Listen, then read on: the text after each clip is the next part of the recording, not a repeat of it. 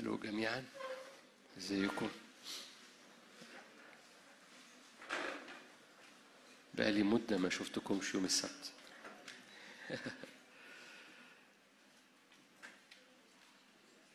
حتى في المرات اللي كان فيها سبت أنا ما كنتش موجود فمبسوط أكون معاكم مرة كمان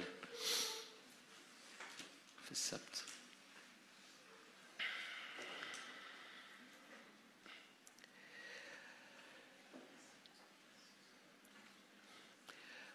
أوكي ابتدي طوالي.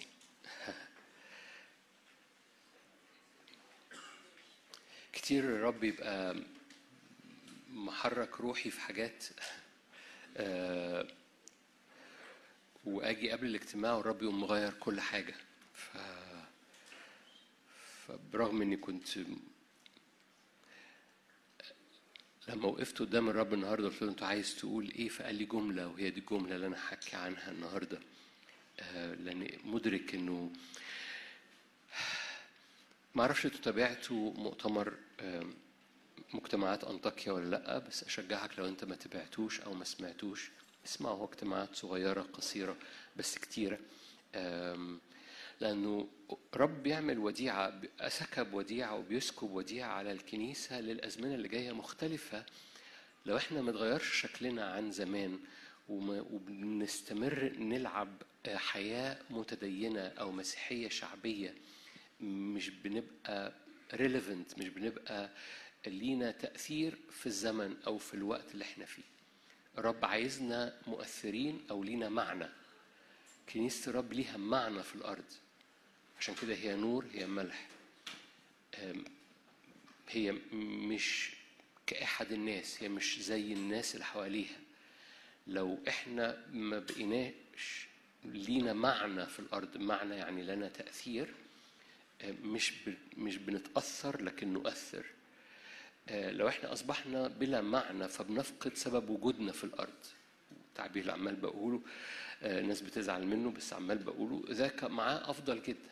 معاه أفضل جدا لو إحنا ملناش تأثير في الأرض. ما- خلاص عرفنا الرب وولاد الرب خلاص نروح السماء وهي هللويا. زغروطة يا أولاد. لكن وجودنا في الأرض طول ما في نفس في حياتك أنت موجود لتأثير في الأرض. لأنك موجود بمعنى وليه قيمة عند الرب. أنت مش مجرد ليه قيمة عند الرب مش موجود في الأرض عشان العالم يفعص فيك. لكن لما الرب قال أنتم نور أنتم ملح كلكم عارفين مش عايز أكرر بس بكرر بسرعة كده هو عشان معظمكم ما يبقاش موجود الاربع إنه النور له تأثير الظلمة لا تقوى على النور. فالنور له تأثير والملح له تأثير. لو الملح بلا ملوحة فبيفقد سبب وجوده يطرح ويداس من الناس. أن الملح يا إما يصنع طعم يا إما بيحفظ من الفساد. لكن لو الملح فقد ملوحته فقد هويته فقد هو يعني إيه ملح؟ ما بقاش ملح. بقى مادة بيضة تداس. لكن وجودنا كنور كملح ده ده سبب وجودنا في الأرض. وبالتالي سبب وجودنا في الأرض مش إن إحنا نتلخبط أو نتأثر لكن نؤثر ونغير ونحفظ من الفساد. ده سبب وجود الكنيسة في الأرض. سبب وجود إن في كنيسة في مصر عشان تحفظ مصر. بالبلدي. سبب ان وجود في كنيسة في مصر عشان تحفظ مصر. من الفساد وتحفظ مصر في النور وتحفظ مصر إنها تطلق نور وطعم طعم وتحفظها من الفساد. وهو ده سبب وجود الكنيسة في مصر. وبالتالي محتاج تخلع تراب الحياة العادية وتخلع تراب المسيحية الشعبوية اللي هي آه، كده يعني. ونبوس إيدينا مش بقول يعني أنا بدي مثل آه، أنتوا فاهمين قصدي فيه. اللي هو ال- ال- ال- حالة اللاوعي الروحي ده موضوع ممكن نحكي عليه في مرة تاني لوحدها كده. حالة اللاوعي الروحي أنا بعمل حاجات أوتوماتيك بعمل حاجات شعبوية منظرها روحي بس بعملها بلا وعي بلا إدراك بلا إدراك قوتها بلا إدراك مسحتها بلا إدراك تأثيرها. فأنا نور بس مش مدرك النور. أنا ملح بس مش مدرك الملح. فأنا عايش في اللاوعي واللاوعي ده غي. ودي حاجة اتحط أنا دخلت في موضوع تاني خالص. اللاوعي ده غي وده اتحط في مصر. مزج الرب في مصر وهنا مصر روح العالم بصورة عامة. بس كمان انتصارنا في مصر هو انتصار للعالم. عشان كده مصر مهمة في كتاب مقدس. ده موضوع أنا قلته برضو في, في الأغلب في مجتمعات أنطاكيا بس بسرعة. مش عارف إمتى هنقوله باتساع. لكن فرجوعا مرة تاني مزج الرب في وسط مصر روح غي. غي يعني إيه؟ يعني لا وعي. يعني إيه لا وعي؟ أنا ماشي أهي الدنيا تلاهي مش مدرك. هو النهاردة إيه؟ النهاردة فين؟ النهاردة إيه في الشهر؟ إحنا شهر إيه أصلا؟ ما أقصدش كده ممكن تبقى عارف النهارده إيه وفي شهر إيه لكن أنت برغم إنك عارف كل دول أنت في ال في ال فاكرين لما يسوع قال لهم أعين ولا يبصرون لهم أذان ولا يسمعون هم هم في اللاوعي. هم في اللاوعي هم ماشيين ومش شايفين هم عندهم ودان مش سامعين هم في اللاوعي. وياما ياما ياما ناس بتعيش وبتموت ولاد للرب. وعاشوا هذه الحياة في اللاوعي. يعني إيه؟ مش مدركين. وجاء وقت الرب ينفض من على الكنيسة هذا التراب علشان تبقى واعية. خليك واعي. تبقى واعية. تبقى يعني إيه واعية؟ تبقى مدركة تبقى مفتحة تبقى شايفة لهم. اما طوبى لأعينكم؟ مش بيتكلم على العينين الطبيعية طوبى لاعينكم قال لهم دول عندهم عينين بس مش شايفين. طوبى لاعينكم لأنها تبصر عندكم وعي فأنتوا شايفين. طوبى لاذانكم لأنها تسمع عندكم وعي لأنكم سامعين. أنتوا الإناء الإنسان الداخلي بتاعكم صاحي. ولأنه صاحي مدرك عنده وعي روحي عنده إدراك روحي. فشايف وسامع فبيتكلم فبينطق فعايش الهوية بتاعته الحقيقية. ورب ينفض من علينا المواريث القديمة حتى المواريث القديمة بتاعت الأسبوع اللي فات. مش محتاج أقول لك إن يسوع لما قال لبطرس هغسل رجليك بطرس أنضم بطرس ابن للرب بطرس ماشي مع الرب بطرس بيخدم مع الرب لكن لازم يغسل رجليه من تراب السابق حتى تراب الخدمة السابقة. قالوا لئلا مش هيكون معاك ليا معاك نصيب. يعني إيه؟ يعني لو بيستمر عليك تراب مرحلة سابقة انت بتفقد الريليفنس أو المعنى أو القيمة أو معنى وجودك في الزمن دلوقتي. لو سبت تراب امبارح بتفقد النهارده. إحنا ممكن نقعد هنا شوية؟ أربع هنا شوية. لو سبت تراب امبارح حتى تراب خدمة امبارح بطرس كان بيخدم مع يسوع ماشي مع يسوع ويسوع قال له هغسل رجليك. قال ما حشاك إنك تغسل رجلي؟ قال له لو ما غسلتكش ليس لك معي نصيب. إيه, إيه خير لو ما جعله خير ده إحنا ماشيين مع بعض حاطين ملح. عيش وملح مع عيش وملح أشكرك.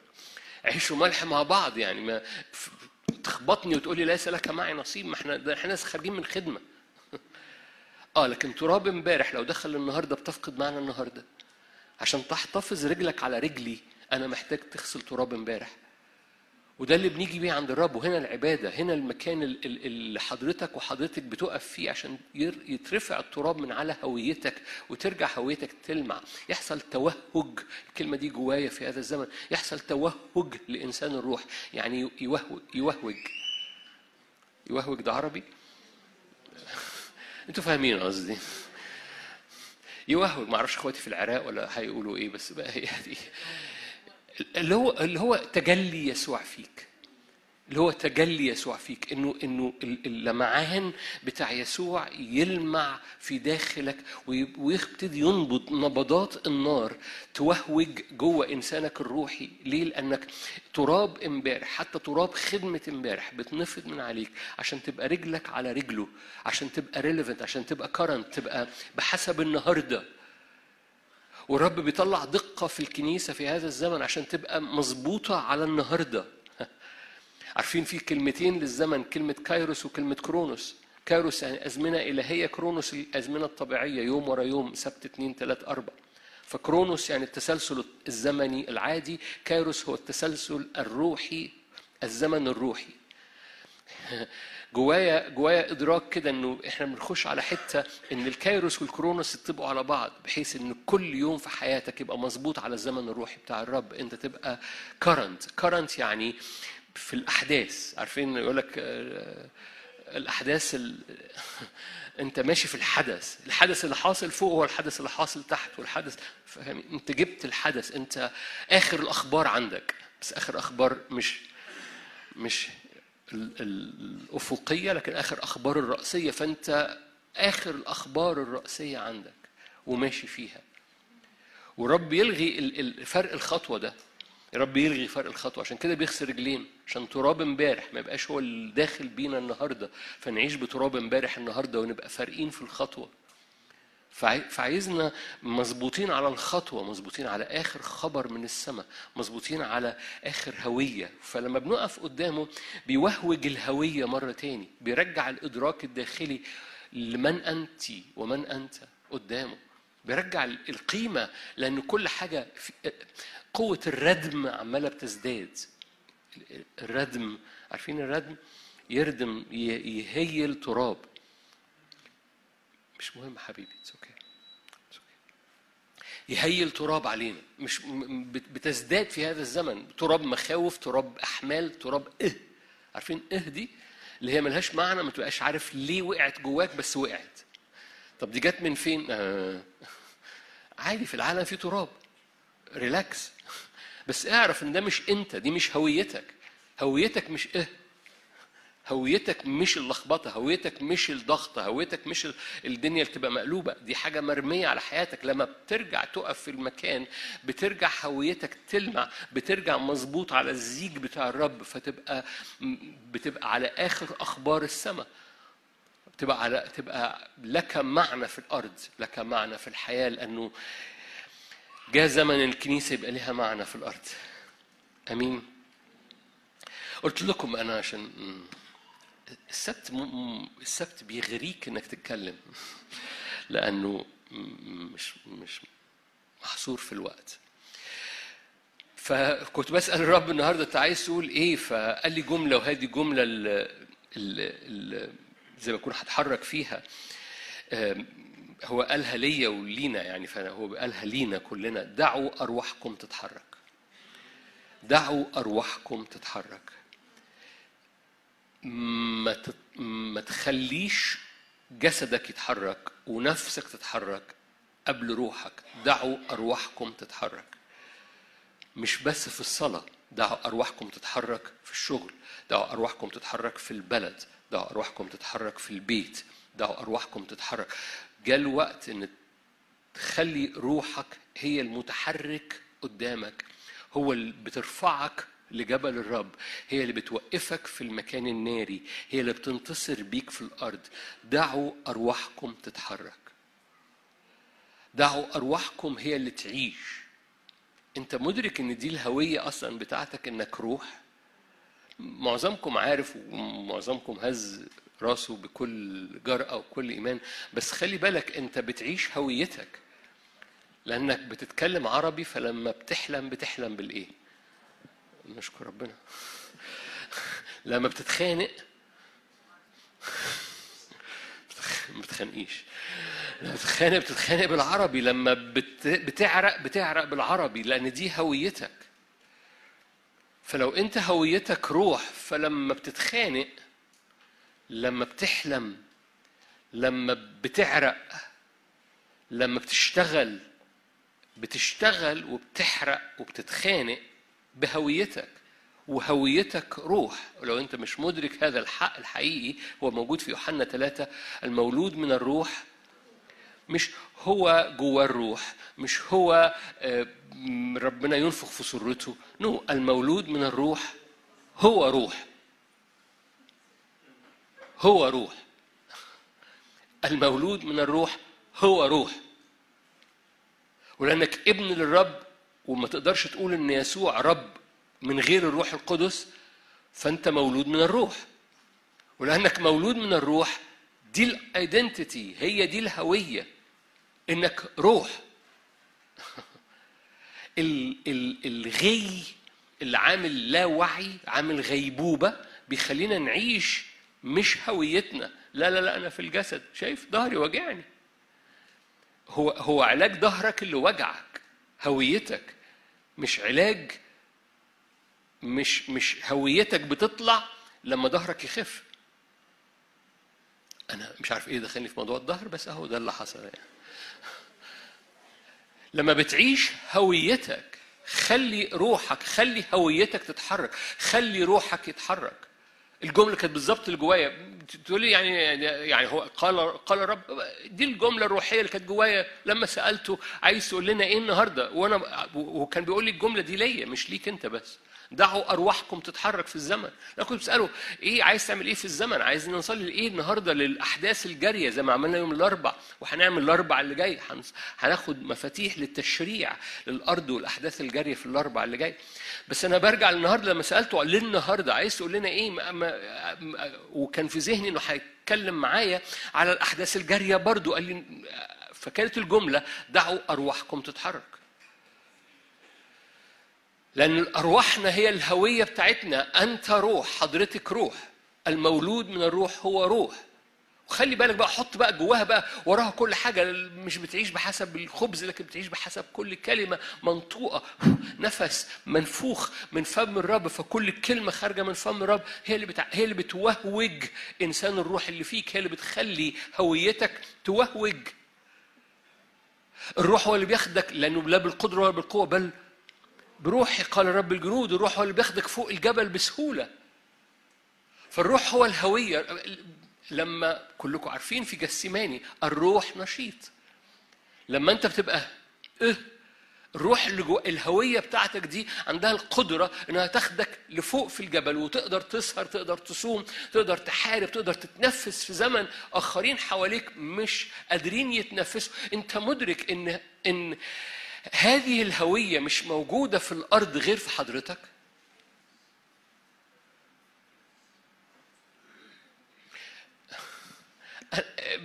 اللي أنا بقوله ده لو أنت اتحشرت فيه لما هشرحه لك تقول لي آه عادي. بس عارف إحنا ليه بنتحشر برغم إن أنت عارفه؟ لأن إحنا عايشين في اللاوعي. آه عادي أنا هيكل الله روح الله ساكن فيك. فيا. حلو قوي. انت هيكل الله روح الله ساكن فيك. طب هو روح الله ساكن في حد غير المؤمنين؟ إذا روح الله ساكن في حضرتك ودي حاجة مش موجودة حواليك.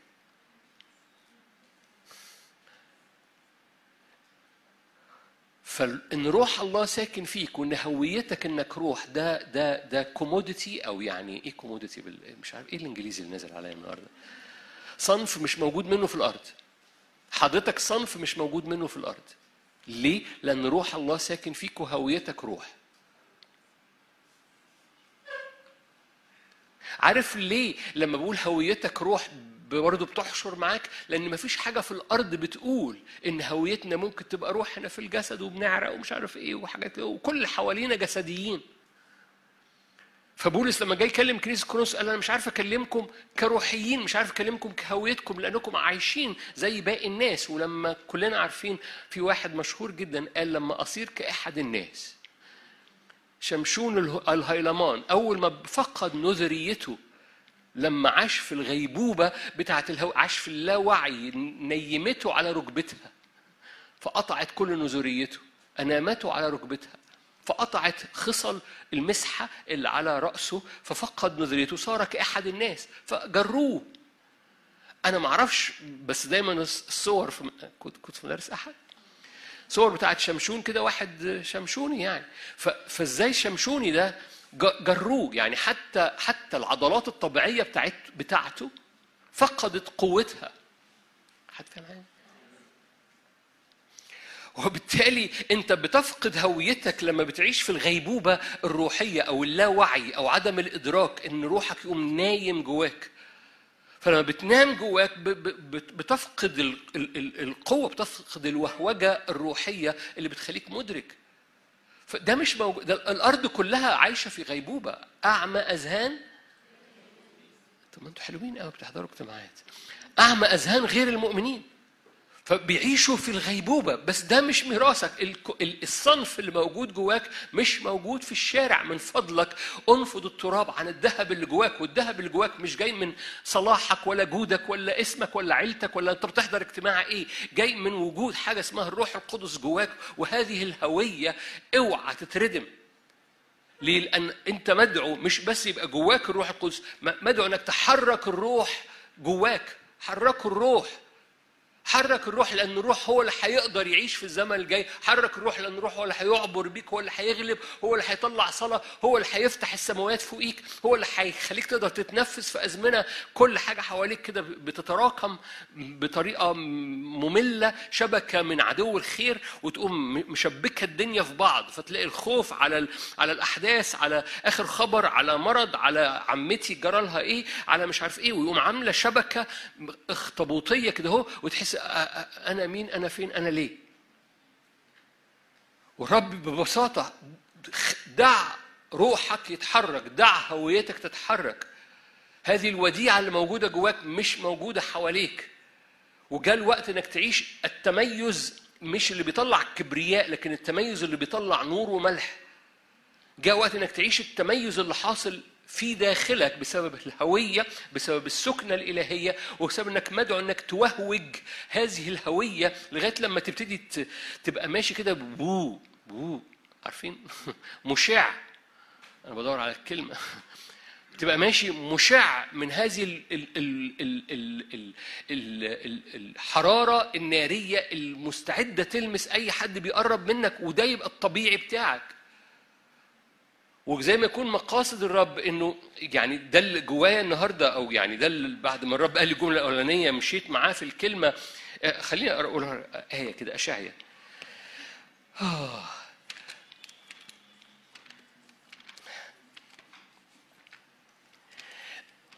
اشعيا ثمانية.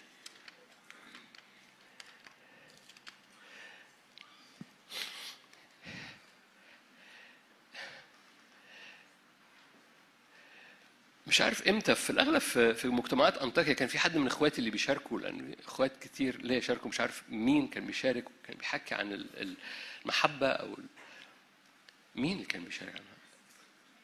حد أسيس عماد في الأغلب آه. فهو بيحكي كده وقع جوايا جملة فهقول لكم الجملة. لكن كان بيحكي عن المحبة والعلاقة والزوج والزوجة ومش عارف إيه وحاجات كده. فكان وقعت جوايا جملة عشان تبقى رومانسي لازم تدي وقت.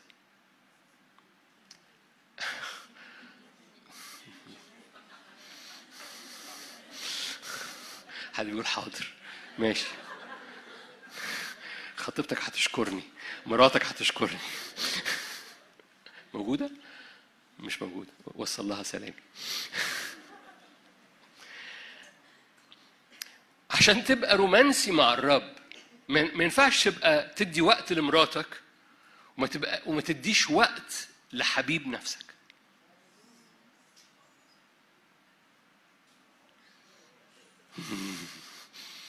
واحد هرش في دقنه.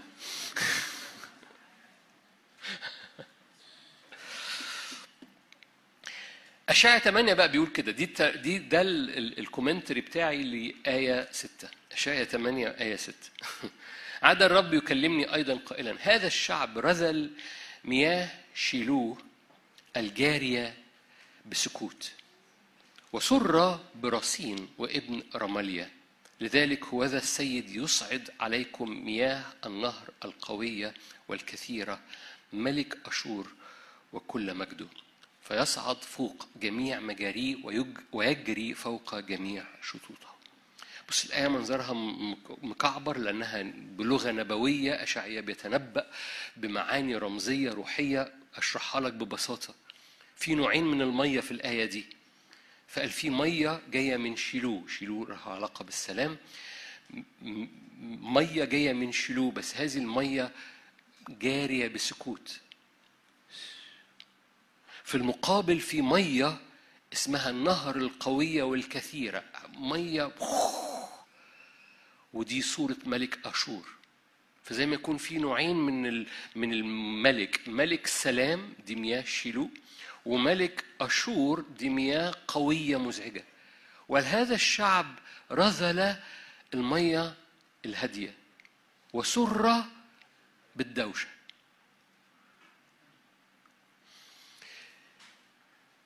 الرومانسية بتحتاج وقت. أنا برجع. دي دي ده معنى الآيات دي. يعني إيه؟ يعني محتاج تدي وقت للمية الهادية فيك. لأن حواليك مية مزعجة عمالة تجذب انتباهك طول الوقت. اوعى ترذل المية الهادية عشان تروح تتعامل مع الإزعاجات المحيطة بيك. هذا الشعب رذل مياه شيلو الجارية بسكوت. بلغة النهاردة دي مياه الروح القدس اللي بتهمس جواك. فاكرين لم يكن الرب في النار لم يكن الرب في الزلزلة كان في الصوت الخافت. فاكرين؟ فاكرين خرافي تسمع صوتي؟ فاكرين المولود من الروح هو روح هكذا كل من ولد من الروح لا تعلم الريح جاية من فين من أين تأتي ولا أين تذهب لكن تسمع صوتها. هكذا كل من ولد من الروح عشان تسمع صوت الروح محتاج تهدى وتقرب. آه الأسيس عماد قال لازم تقرب عشان أوكي أنا اتذكرت بس مين اللي كان بيقول. هو ما قالش رومانسية بتحتاج وقت بس كلامه فتح جوايا هذه الجملة. عشان يبقى فعلا هو حبيبك محتاج تقرب وتديله وقت. ادي وقت للروح القدس نتكلم بهدوء فيك. ده الوقت هو ده دع أرواحكم تتحرك وعايز الروح يوهوك فيه. خليك رومانسي مع الرب اديله وقت. ما تقولش أصل في دوشة. أنت اللي بتختار يا إما تمشي ورا نهر أشور الجاري بصوت وبإزعاج و... ليه؟ لأن في حاجات كتيرة مهمة جدا، في خلاط في دماغنا، في خلاط حوالينا، في خلاط عمال بيزداد سرعته، بس في نفس الوقت في مياه شيلو، مياه السلام جارية بسكوت. ولأن هذا الشعب رذل مياه شيلو الجارية بسكوت. وسر برصين وابن رماليا دي أمور محيطة لها صوت عالي. لذلك هذا السيد الرب يسعد عليكم مياه النهر القوية والكثيرة. ملك أشور. فيصعد فوق جميع مجاريه ويجري فوق جميع شطوطه وينضفق إلى يهوذا. فيقوم مغطي فتلاقي نفسك أنا بقيت مبلوع في الدوشة. ما حبيبي الرومانسية بتحتاج إيه؟ إديها وقت. وكل ما بتدي وقت للكلمة وقت للصلاة بالروح وتصلي بالروح ادي وقت وتذكر الجملة. الرومانسية محتاجة وقت. وكل ما تدي وقت للصلاة بالروح تدي وقت للكلمة وتدي وقت للتشفع وتدي وقت إنك تسمع صوته كل ما كل ده بيعمل إيه في هويتك؟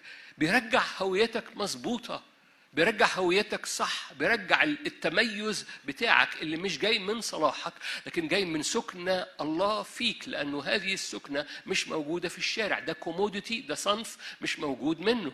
بس هذا الصنف هو اللي بيديك معنى لوجودك في الأرض. أنت لست كأحد الناس ودي هويتك. أنت روح لك معنى لوجودك. هذه الوديعة مش موجودة حواليك. هذا التوهج يجب أنه يتجلى فيك وعشان يحصل هذا التوهج الرومانسية يجب أن تزداد والرومانسية لازم تديها وقت. أرمية اتنين. أنتوا هنا مش كده؟ أرمية اتنين. أرمية اتنين. نفس معنى اشعيا ثمانية بس بحسب بحسب فهمي أو بحسب حسي. أشعيا 2 13 شعبي عمل شرين. بيبقى عندنا اوبشنز شعبي عمل شرين. تركوني أنا. تركوني أنا. ينبوع المياه الحية. بدل ما يدوا وقت لرومانسية المية الحية الجارية بسكوت فيهم. اللي بتطلع تميزهم. تصور حضرتك ده, ده, ده تميز ولا مش تميز؟ إنك تقعد كده وتهدى والرب يقوم دالق حب ودالق روحه ودالق صوته ودالق كلمته جواك لأنك مديله وقت إنك تبقى رومانسي معاه. ده تميز ولا مش تميز؟ في حد في الشارع يقدر يقول الجمل دي؟ لو دخلت واحد من الشارع اللي بي الكشك اللي على بره القاعة لو جبت الراجل في الكشك كده وقعدت قلت له بص حبيبي أنت ممكن يحصل معاك ها؟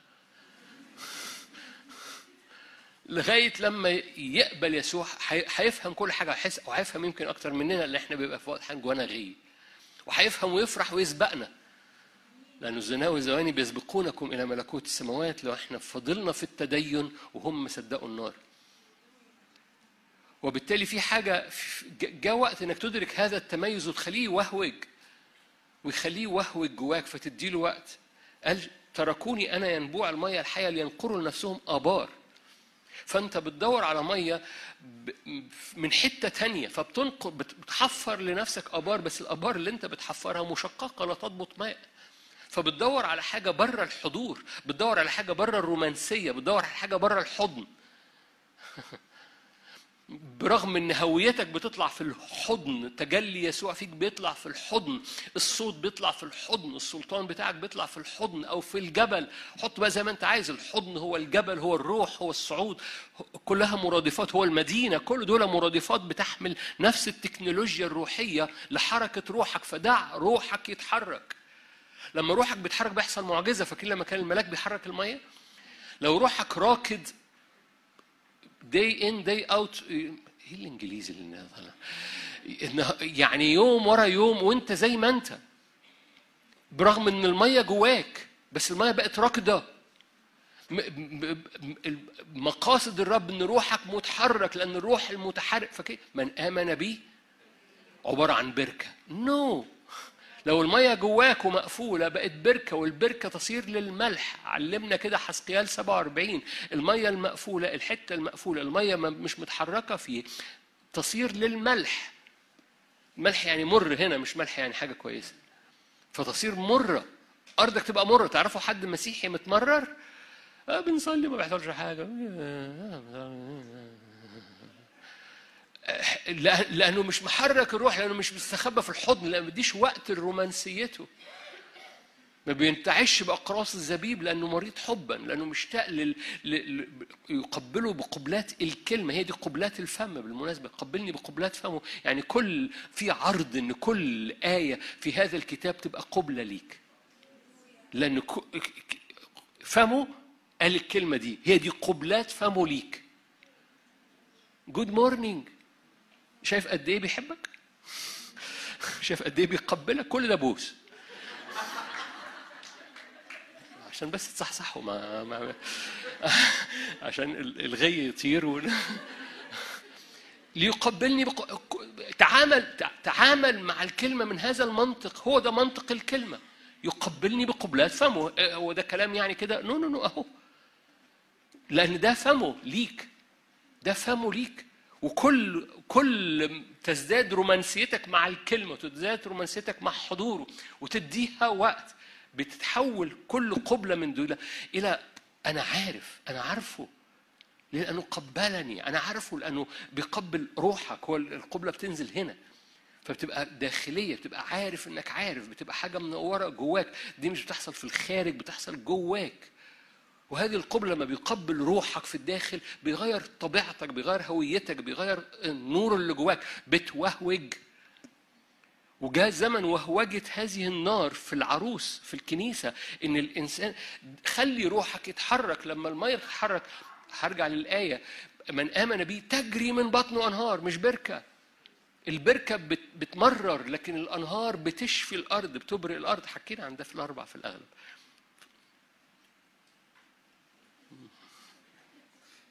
okay. حكينا عن في الاربع اسمعوا الاربع اجتماع كويس قوي بيحصل من الاربع okay. صموئيل الأول. صموئيل الأول. صموئيل الأول. صموئيل الأول 30 أنتوا كويسين؟ okay. صموئيل الأول 30 حصل حصل حصل أتاك. وأنا مش بقول إن في اتاك مش بتكلم على اللي حاصل دلوقتي أنا بتكلم على أزمنة حصل فيها استنزاف لاولاد الرب سابق. فأنا بشاور على اللي جاي أكتر ما أنا ب... ب... يعني فمش هقضي وقت طويل في القصة. القصة مشهورة لما حصل هجوم على داوود ورجاله في صقلغ وسبوا نسائهم وبنوهم وبناتهم وعملوا محرقة بالنار في صقلغ فاكرين القصة؟ صميل الأول 30 وسبيت امرأة داود أخي نوعم وأبيجايل فتضايق داود جدا. دي آية ستة. تضايق داود جدا لأن الشعب قالوا برجمه لأن أنفس جميع الشعب كانت مرة كل واحد على بنيه وعلى بناته. okay. أنا أنا هبص بقى على على المعنى الجميل يقول لك استرد داود كل شيء. ده نهاية القصة. ده نهاية القصة. فأنا عايز أقول إيه؟ إنه هذا الزمن لو حركت لو خليت الروح لو دع لو دع, دع جعلت روحك يتحرك هتسترد كل شيء فقد في الأزمنة السابقة. فما تحتاجش تبص لورا. آه ممكن أقعد هنا وأقعد أتنبأ شوية. كل أزمنة سابقة استنزفت فيها فقط وأنا مش بتكلم على الأسبوع اللي فات مش بتكلم على على أول امبارح أنا بتكلم على كل الأزمنة السابقة رجوعا لغاية لو- لغاية بطن أمك. كل أزمنة سابقة حصل فيها استنزاف أيا كان نوعه يقول لك استرد داوود كل شيء. في حاجة صغيرة في مفتاحين صغيرين في القصة دي وأنا عايز بس أحطهم جواك لأنه كل استنزافات كل حاجة خلتك مر كل خبرات سابقة خلتك مر واستنزاف حصل إن كان في نفسيتك في هويتك في كل حاجة ح- داود نفسه تضايق واللي معاه تضايقه وأنفس الشعب كلها كانت مرة وفي خسارة واضحة توليفة كده هو يعني لكن استرد داود كل شيء وجواه إدراك أو ليه ليه جواه إدراك لهذه ب- مش هطول فيها قوي إنه لما نقف في هذا المكان اللي موجود لينا أو التكنولوجيا الموجودة في هذه القصة مش محتاج تاني أبص لورا. ليه؟ استرد داود كل شيء. فخلاص أنتوا هنا؟ استرد داود كل شيء ف it's finished ولأنه it's finished خلصت خلاص فأنا مش محتاج أبص لورا. وزي ما يكون الرب عايزنا ندرك ده في أرواحنا وروحنا يتحرك لقدام وما يبقاش في حاجة ورا مسكانة لورا. ليه؟ لا آه آه، فاكر صقلغ فاكر مش عارف إيه؟ مش محتاج بقى دي تحصل تاني ليه؟ لأن استرد داود كل شيء. okay؟ فهبص بالقصة من الحتة دي. في في مفتاحين صغيرين. وأنا قايل معظمهم فمش هطول. أما داود أنا بكمل آية 6 أما داود فتشدد بالرب إلهه وفي في العبري مش عارف ليه العربي بيوقع حبة كلمات. أما داود فتشدد بالرب إلهه في قلبه. داود عمل حاجة جواه كده أم, أم اختار الإيمان. قال داود لإبيثار الكاهن ابن أخي مالك قدم إلي الأفود فقدم إبيثار الأفود إلى داود فسأل داود من الرب قائلا إذا لحقت هؤلاء الغزاة هل أدركهم؟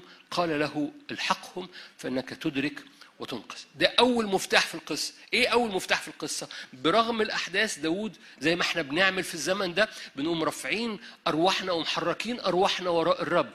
داود تشدد بالرب إلهه في قلبه اختار ده إيمان وده choice اختار إنه يقوم برغم حتى إن عنده خسارة شخصية مش بس الأبطال بتوعه فقدوا مش بس الشعب كله بقى مر ده داود فقد أخينوعم وابيجايل okay فأم أم أم اختار إنه يتحرك قدام الرب اتحرك إنه يقف قدام الأفود ده الأوريم والتميم اللي بيحصل قدام الشكينة اختار إنه يخش في الروح.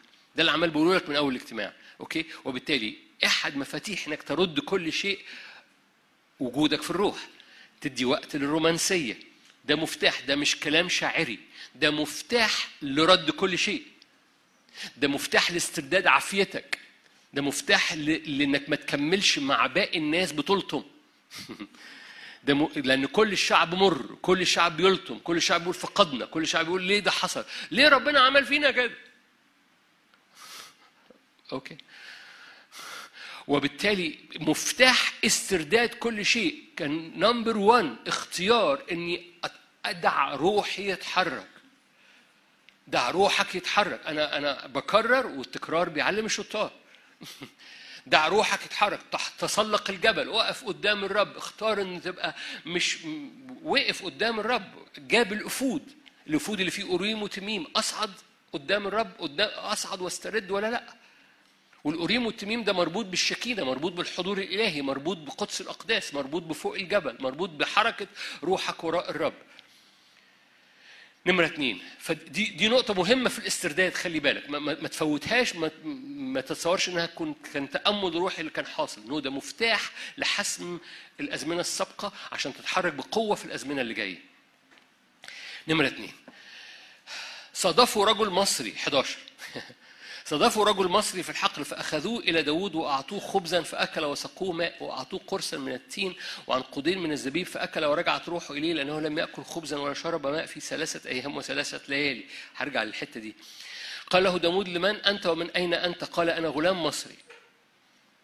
عبد رجل عماليق تركني سيدي لأني مرضت منذ ثلاثة أيام. إيه اللي حصل؟ إيه المفتاح نمرة اتنين لرد كل شيء؟ هو افتداء المصري اللي فيك. لأن لما افتدي هذا المصري هذا المصري كان مفتاح لرد كل شيء. لأنه قال له تاخدنا وت- وتاخدنا للمكان اللي هم موجودين فيه قال له أخدك. فالمصري إن إنه يعني في مفتاحين في القصة دي. أول مفتاح إن داوود بقى في الروح سأل الأفود. نمرة اتنين إن افتدى المصري. يعني إيه افتدى المصري يعني غير طبيعته لأن المصري طبيعته إيه؟ أنا هويتي. عبد أنا غلام. أول حاجة أنا غلام. أنا غلام يعني أنا أنا, أنا غلام. أنا مين؟ أنا غلبان. أنا غلام. no no. ففي افتداء للغلامية اللي فيك. ارفض التراب please حرك روحك please هويتك مش غلام هويتك روح. يا غلام no. يا عبيد شاول no. إحنا صفوف الله الحي. أنا مش غلام. أنا داوود. فلما سم لما جوليات قال لهم أنتوا عبيد شاول. قال لهم نو. إحنا صفوف الله الحي. إحنا روح. فأول هوية أنا غلام. مش بس غلام أنا عبد. فين الآية؟ أنا غلام. عبد وعبد مش عبد لمصر عبد لرجل عماليقي عم... فاكرين عماليق؟ يعني عبد لحاجة قوية جدا. فأنا هويتي غلام وعبد لحاجة قوية جدا. مش بس كده تالت حاجة في ثلاث ثلاث حاجات حصل لهم افتدى هنا. علشان ترد كل شيء وما تبصش لورا تاني. كون في الروح تقدم قدام الأفود. تقدم قدام الشكينة. كون في الروح حرك المية جواك. الوديعة اللي جواك مش موجودة حواليك يمكنك أن تستخدمها لأن ده مش بصلاحك ولا ببرك. دي موجودة جواك عشان تبقى تعيش هويتك وتديها وقت وتعيش رومانسيتها وتتغير طبيعتك. فكون فيها. دي المفتاح نمرة واحد لرد كل شيء عشان تتحرك بقوة للزمن الجاي. نمرة اتنين افتدي المصري اللي جواك. المصري ده هو الجسدي الطبيعي الأرضي اللي- حتى اللي بيسمعونا مش من مصر. المصري اللي جواهم برضو. فنمرة واحد في المصرية أو الأرضية بتاعتنا إن أنا غلام ودي هوية مشوهة. اللي هي المسكنة الطبيعية المسكنة الترابية المسكنة الشرقية أنا- غلام مين أنا؟ نمرة اتنين أنا عبد الحاجة صعبة قوي أنا عبد الحاجة عماليقية جدا. ونمرة ثلاثة سيدي تركني. سيدي تركني لأني مرضت منذ ثلاثة أيام فأنا مشاعر الرفض والترك والانفصال وأصل أنا ما استحقش أصل أنا مرضت فاتسبت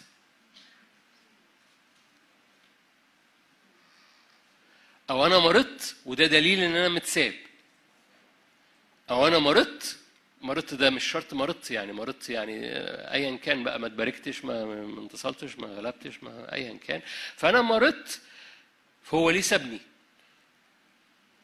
دي مصرية فيك أوكي عارفين ال ال ال لما العرب يحبوا يتريقوا على المصريين يسموهم المصاروة.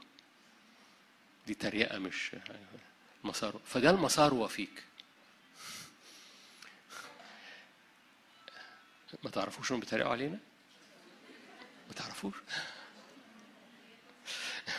مساروة ف- مش مهم. فرجوها المرة دي أنا عارف هما بيضحكوا هناك بس مش مشكلة. ف... فده المساروة فيك اللي هو أ- حصل فيا حاجة مش مظبوطة يبقى أنا متساب. سيدي تركني لأني مرضت ثلاث أيام. بصوا ال- ال- ال- الثلاث حاجات دول أنا غلام أنا عبد الحاجة صعبة وأنا متساب. دول يجب أن يفتدوا فينا وما يرجعش يطلعوا حسهم تاني في هويتك. مفتاحهم هو نمرة واحد إنك بتخش في الروح قدام الرب وبتخلي الحضور الإلهي يقتل المصري فيك. يقتل المصري فيك. يقتل المصري فيك. اللي هو غلام اللي هو عبد رجل عمل طب دي أنا بحاول بصور. انهم بطل تحاول. خلي الروح القدس ادي وقت للرومانسية. هتقوم حرقالك ده. هم عملوا إيه للمصري؟ ولا حاجة. هم افتدوه. افتدوه. لأنه إيه لأنه فاكرين.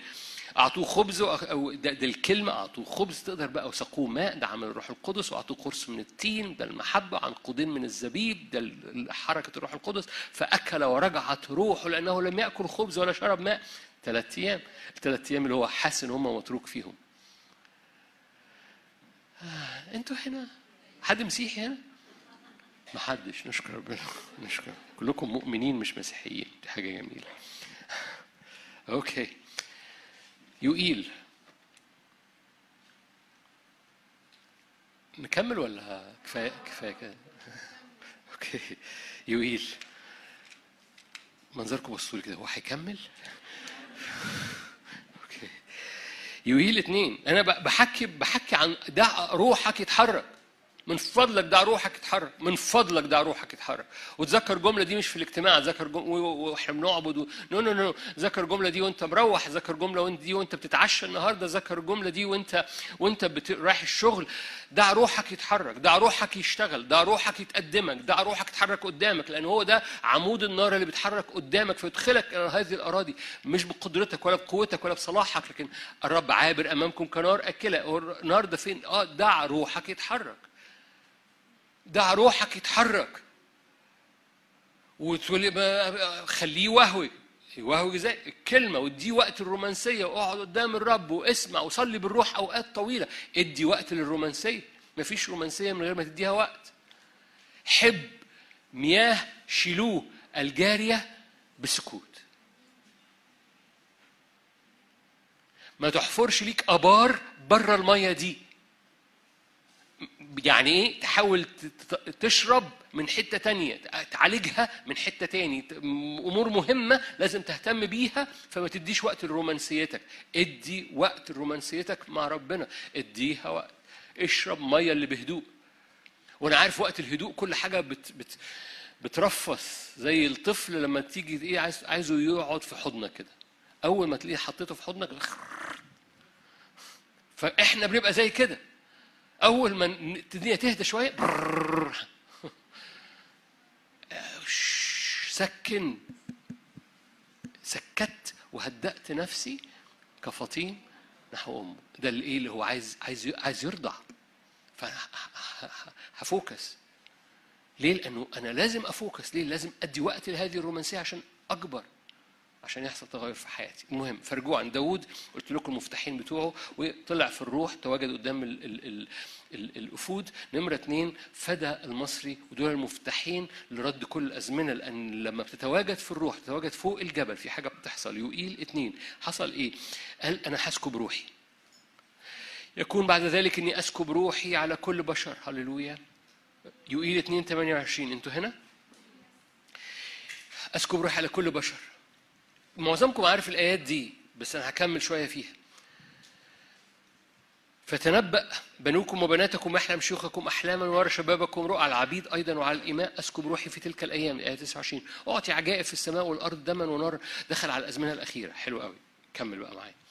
عجائب في السماء والأرض دما ونار وأعمدة دخان تتحول الشمس إلى ظلمة والقمر إلى دم قبل أن يجيء يوم الرب العظيم المخوف. حلو قوي. فإحنا دخلنا على الأزمنة الأخيرة.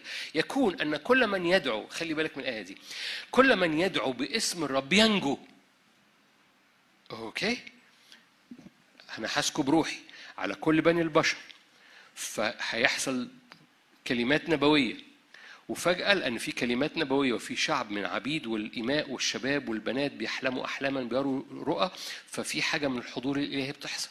فبيعد الرب الأجواء من أجل المواجهة الأخيرة خلي بالك من تسلسل النبوي اللي بيعدي أزمنة كتيرة بس بصورة نبوية. فقال هسكب روحي. ده ده ده أعمال اتنين. وحيأم شباب وشيوخ وعبيد وإماء. ماشي فيحل روح على كل بني البشر فبيعد العروس للأزمنة الأخيرة فتأتي أزمنة أخيرة ده يوم الرب العظيم المخوف اللي فيه امور في السماء وفيه أمور في الأرض. بس وهو بيحرك في الدنيا دي كل من يدعو باسم الرب ينجو لأن في جبل الرب في جبل صهيون وفي أورشليم تكون إيه؟ مفيش نجاة إلا في الروح. وكل ما بتقترب الدنيا في الأزمنة الأخيرة مفيش نجاة إلا في الروح.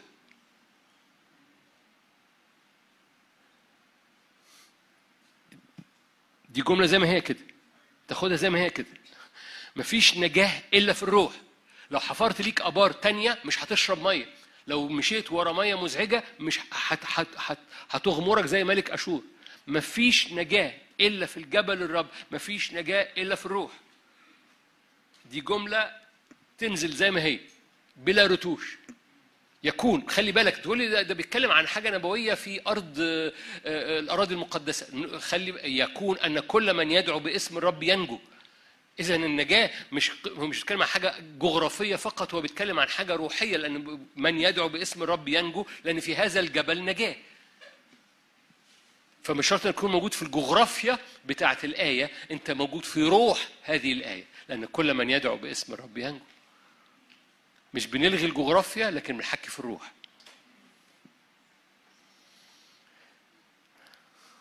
أنتوا جمال. ليه كل من يدعو في كل من كل من التواجد فوق جبل الرب هو النجاة. لأن في جبل الرب تكون نجاة. لأن المشهد من فوق الجبل غير. المشهد في الروح غير. أنا ممكن ليه بعضنا ليه بعضنا بيحضر اجتماعات يتشجع وبعد شوية يرجع ي... ما يتشجعش؟ ليه؟ لأنه بيرجع ما يتواجدش فوق الجبل. الاجتماع بالنسبة لك والعبادة في الاجتماع بتشكلك جبل الرب فبتنسى نفسك وترفع قدوس زي ما كنا بنعمل قبل الكلمة. فروحك بيتحرك ده اللي بيحرك روحك هو العبادة. ما أعرفش عنك إحنا بقينا بننزل الاجتماع كله بالعبادة الأولانية والعبادة الأخيرة على النت. ما أعرفش منك عنك بس أنا أعرف ناس بتقول لي أنا بقضي وقت العبادة وبقوم راجع تاني يوم أقضي وقت العبادة أو راجع تالت يوم أقضي وقت العبادة اقوم مشغله في ظهري وأنا بشتغل في البيت. سيدة قالت لي كده أنا وأنا قالت لي وأنا بشتغل في البيت بشغل الاجتماع كل يوم. ليه؟ بتشغل العبادة. مش مهم الكلمة. ليه؟ ليه؟ لأنه في العبادة بت إيه؟ بتحرك روحك. ده روحك يتحرك. ادي وقت للرومانسية. ده ده روحك يتحرك وراء الرب ورنم ما تسمعش. مارتن وهو بيرنم ما تسمعش ايا كان المرنم اللي بيرنم اسمع روحك وانت بتخرج صوت من فمك. ذكر اجتماع الأربع اللي فات لم يكن فاتح فم. فافتح فمك.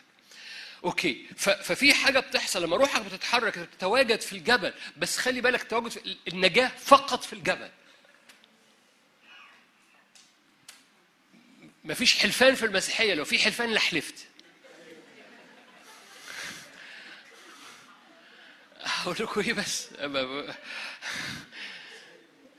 صادق؟ ربنا يخليك ليا. هو صادق مش أنا. مفيش نجاة إلا في الجبل. مفيش نجاة إلا في الجبل مفيش نجاة إلا في الروح. مفيش نجاة إلا في الروح. فدع روحك يتحرك لأن مفيش نجاة إلا في الروح. كون في الروح لأن مفيش نجاة إلا في الروح. عشان كده قال أسكب روحي. على كل بني البشر العبيد والإماء الشيوخ والشباب فإيه؟ فحضور ربنا يملهم عشان لما يأتي يوم الرب العظيم المخوف مفيش نجاة إلا لكل من يدعو باسم الرب. لأن المشهد فوق الجبل مختلف. فاكرين مزمور اثنين كمثال. مزمور اثنين تآمر الملوك والرؤساء على الرب وعلى المسيح وقال نقطع قيودنا. اللي بيطلع قدام الرب يلاقي ربنا بيضحك. مثلا وأنا قاعد بشوف الملوك والرؤساء عاملين بيتآمروا هقول يا يا ويلي يا ولي. هقول لغة الشارع لا تقولوا فتنة لما يقول الشارع له فتنة. وهتبقى أخباري أخبار الشارع تاريخي تاريخ الشارع. مش هبقى عايش ال ال ال المعنى بتاع النهارده لأن الكرونس ما ارتبطش بالكايروس. الزمن الإلهي ما ارتبطش بالاثنين والثلاث والاربع بتوعي. وجاء الوقت انك أخبار فوق الجبل هو دي الأخبار بتاعتك. فساكن السماوات يضحك. أشعيا أشعيا ستة. فاكرين في, في عارفين أشعيا ستة؟ أنا عارف بعضكم عارف اشعياء ستة بس أذكركم لما ده, ده لما مات عزية الملك ده وكان زمن نهضة زي ما يكون نهاية النهضة رأيت السيد جالس فوق في المكان ده في الروح ده حصل إيه؟ إيه الأخبار فوق؟ قدوس قدوس قدوس مجده ملء كل الأرض دي أخبار الجبل يعني أنا داخل في جنازة جنازة عزية الملك اللي كان بيعمل نهضة فأنا داخل في الجنازة إيه الأخبار فوق؟ مجده ملء كل الأرض فقلت له ها أنا ذا يا سيد ارسلني. ليه؟ لأن أخبار فوق غير الأخبار تحت. أخبار تحت أمر ملوك الأرض. أخبار فوق الرب يضحك. اسألني فأعطيك الأمم ميراثا. مشهد مختلف تماما. لغة مختلفة تماما. عشان كده في بعض الأحيان بعضكم لما يجي اجتماع يحس إنه آه، الدنيا غير الدنيا. واقع تاني على راي بالظبط كده.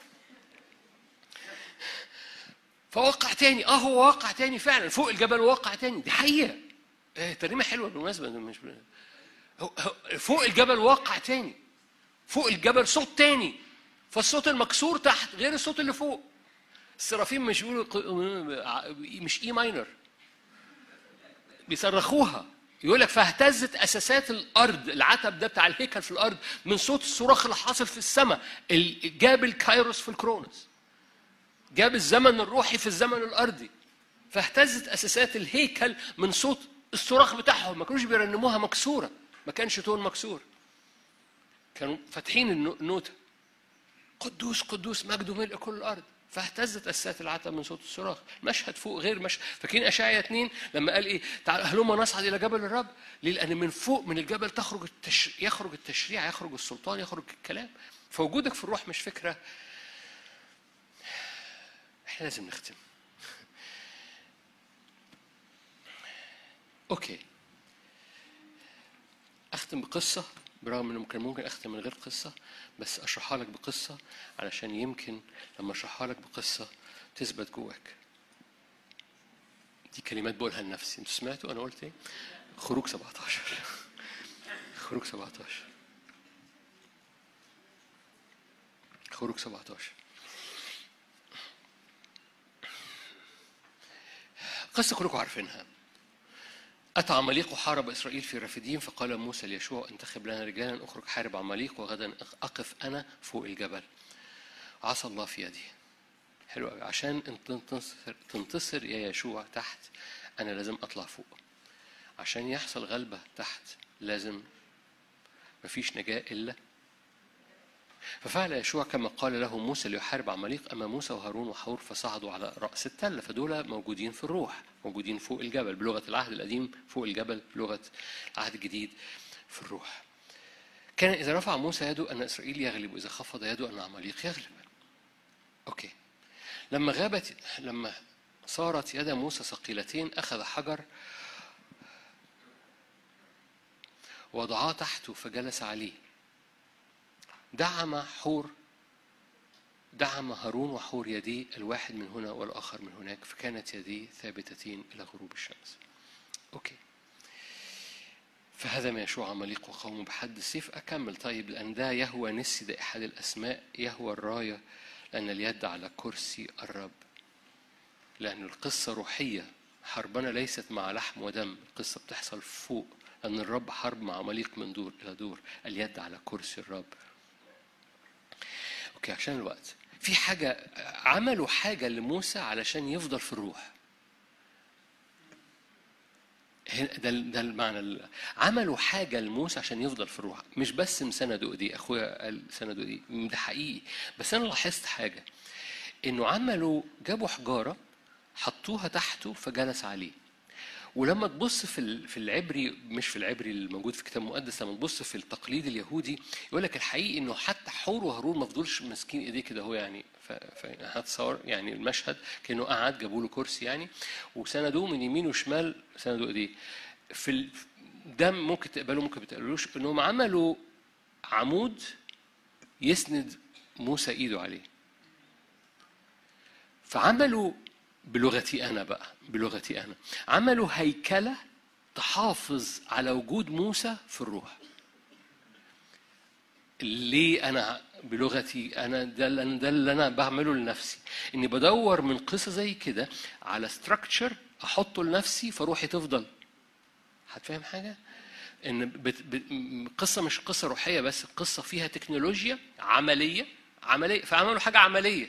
يعني ايديه بتنزل فعملوا حاجة عملية. حجر يقعد عليه وفي العبري ممكن في ال- في التقليد يعني ممكن تقبلها ممكن ما تقبلهاش. إنه عملوا عمودين حجره يسند موسى إيده عليهم مش ما فضلوش هم ساندينه بس كده. فأنا باخد المعنى ده عشان أقول هديك ثلاث نقط صغيرين. ثلاث نقط صغيرين علشان تتواجد في اللي إحنا بنحكي عليه ونختم. نمرة واحد. خلي روحك يتحرك صعودا وراء الرب بعبادة بصلاة بالروح ردد يسوع. اقعد هادي. خش في الرومانسية. حبيب نفسك هو يسوع. أنا بديك structure صغير. أنا بعمله مع نفسي. بدي لنفسي هيكلة صغيرة تحافظ على إيديا مرفوعة. حد فاهم حاجة؟ okay. ف- فده ده اللي بقوله لك ببساطة. خلي روحك يتحرك وراء الرب. دعوا أرواحكم تتحرك. هي دي الجملة الأساسية اللي الرب قالها النهارده ليه. دعوا أرواحكم تتحرك ورايا. دعوا أرواحكم تطلع الجبل. okay إزاي؟ رومانسية وراء الرب. ردد يسوع. خلي المحبة الأولى تنفك خلي بوابة المحبة الأولى جوه نفسك تتفتح من جديد. جوه نفسك. لأن روحك بيحبه طول الوقت. لكن نفسك بتقول عندها إيه؟ مية. بتحب مياه أشور. رجع نفسك للمحبة الأولى للمية الجارية بهدوء. وذكر نفسك قول له بحبك. تقول لي ما طالعه من غير طعم من بقي. طب يعني عشان طالعه من غير طعم ما تقولهاش. يا عم قولها. يمكن اللي وراها واديها وقت. اديها وقت. هت هت هتشط الكبريت هتشط لو لو المية باردة في الكبريت لغاية لما تشط. تستعملوش كبريت واضح عندكم في البيت بس في حاجة اسمها كبريت بوتاجاز. كلكم مايكروويف.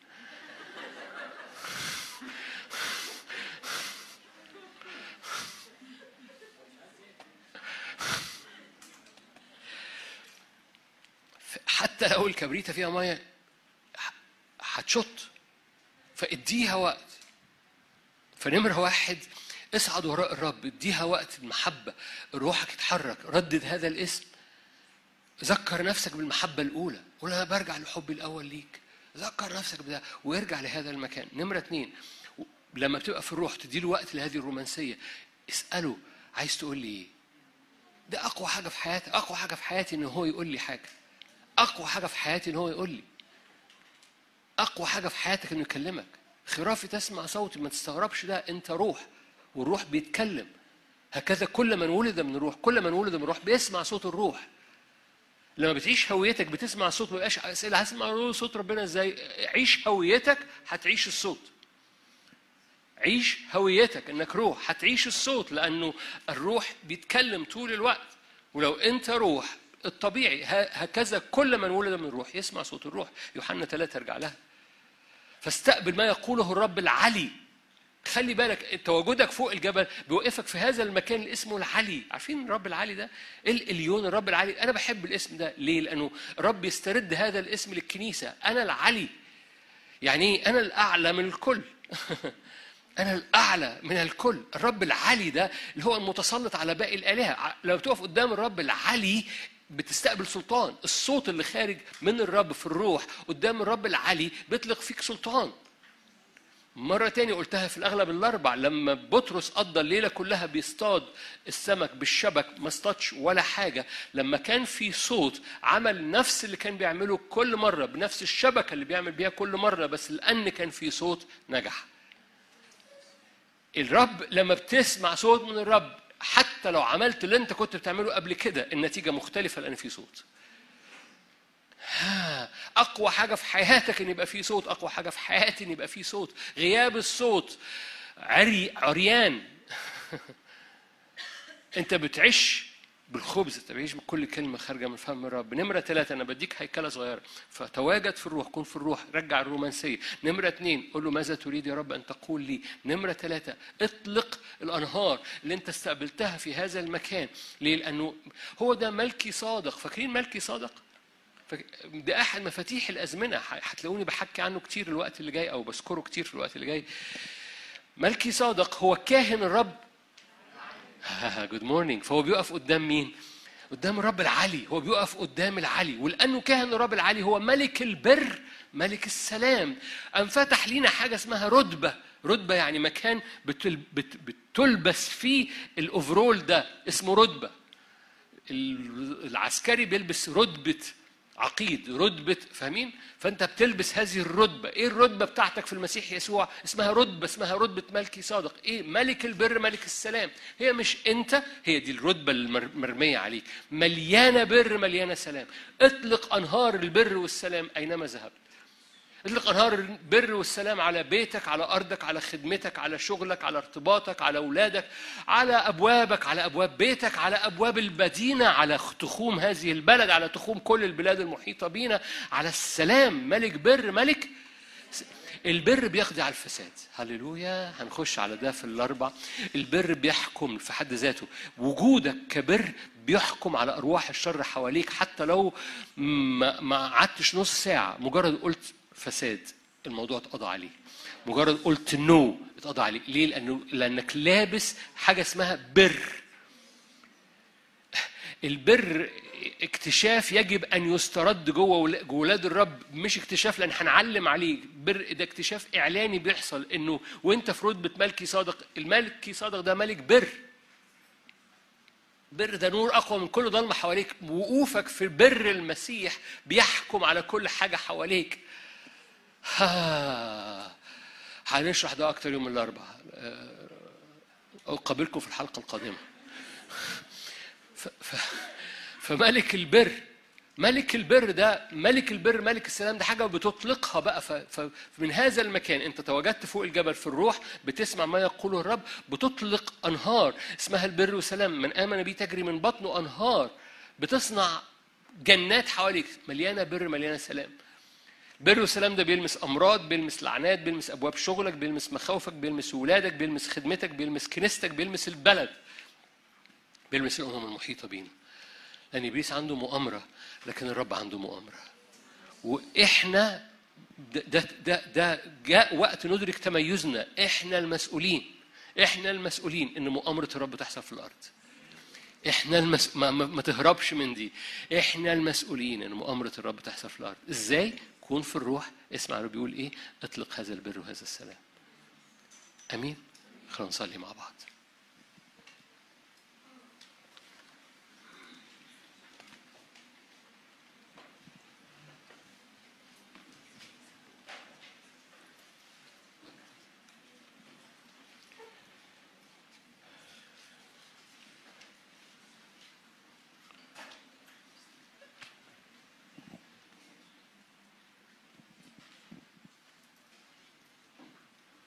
هللويا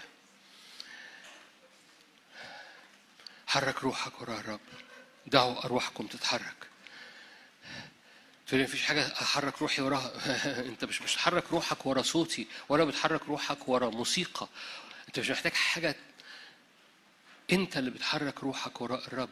اسمه وجهه بيخلي روحك ترتقد زي ما يوحنا ارتقد داخل اليصابات أول ما سمعت صوت العذراء مريم مش عشان صوت العذراء مريم عشان المسيح جوه العذراء مريم. فأتاري في حاجة بترتقد في حاجة بترتقد في داخلك تجاه يسوع وكل حاجة فيها يسوع. في حاجة بترتقد في داخلك قالت لها كده أول ما سمعت صوتك ارتقد الجنين في بطني. إيه بنحبك. بنحب اسمك بنحب حضورك بنحب وجهك بنحب صوتك. نحبك يسوع.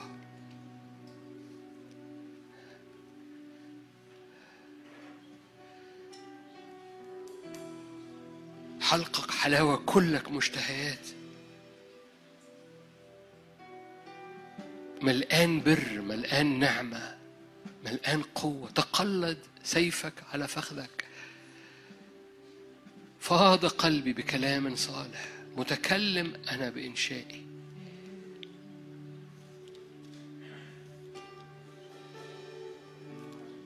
إيه قدوس مرتفع جبار أحب سيدي.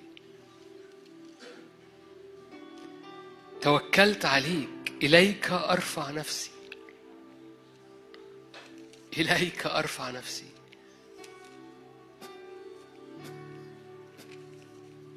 تحدث مع الرب ادي وقت لرومانسيتك الشخصية ما تسمعنيش فقط. ادي وقت لرومانسيتك الشخصية. سكبت النعمة يا رب على شفتيك. من أجل الحق والدعة والبر. نبلك مسنونة في قلب أعدائك. تقلد سيفك على فخذك أيها الجبار. جلالك وبهائك. إيه. دع روحك يتحرك صعودا. ارفع عينين قلبك. هللويا. شايف وشه؟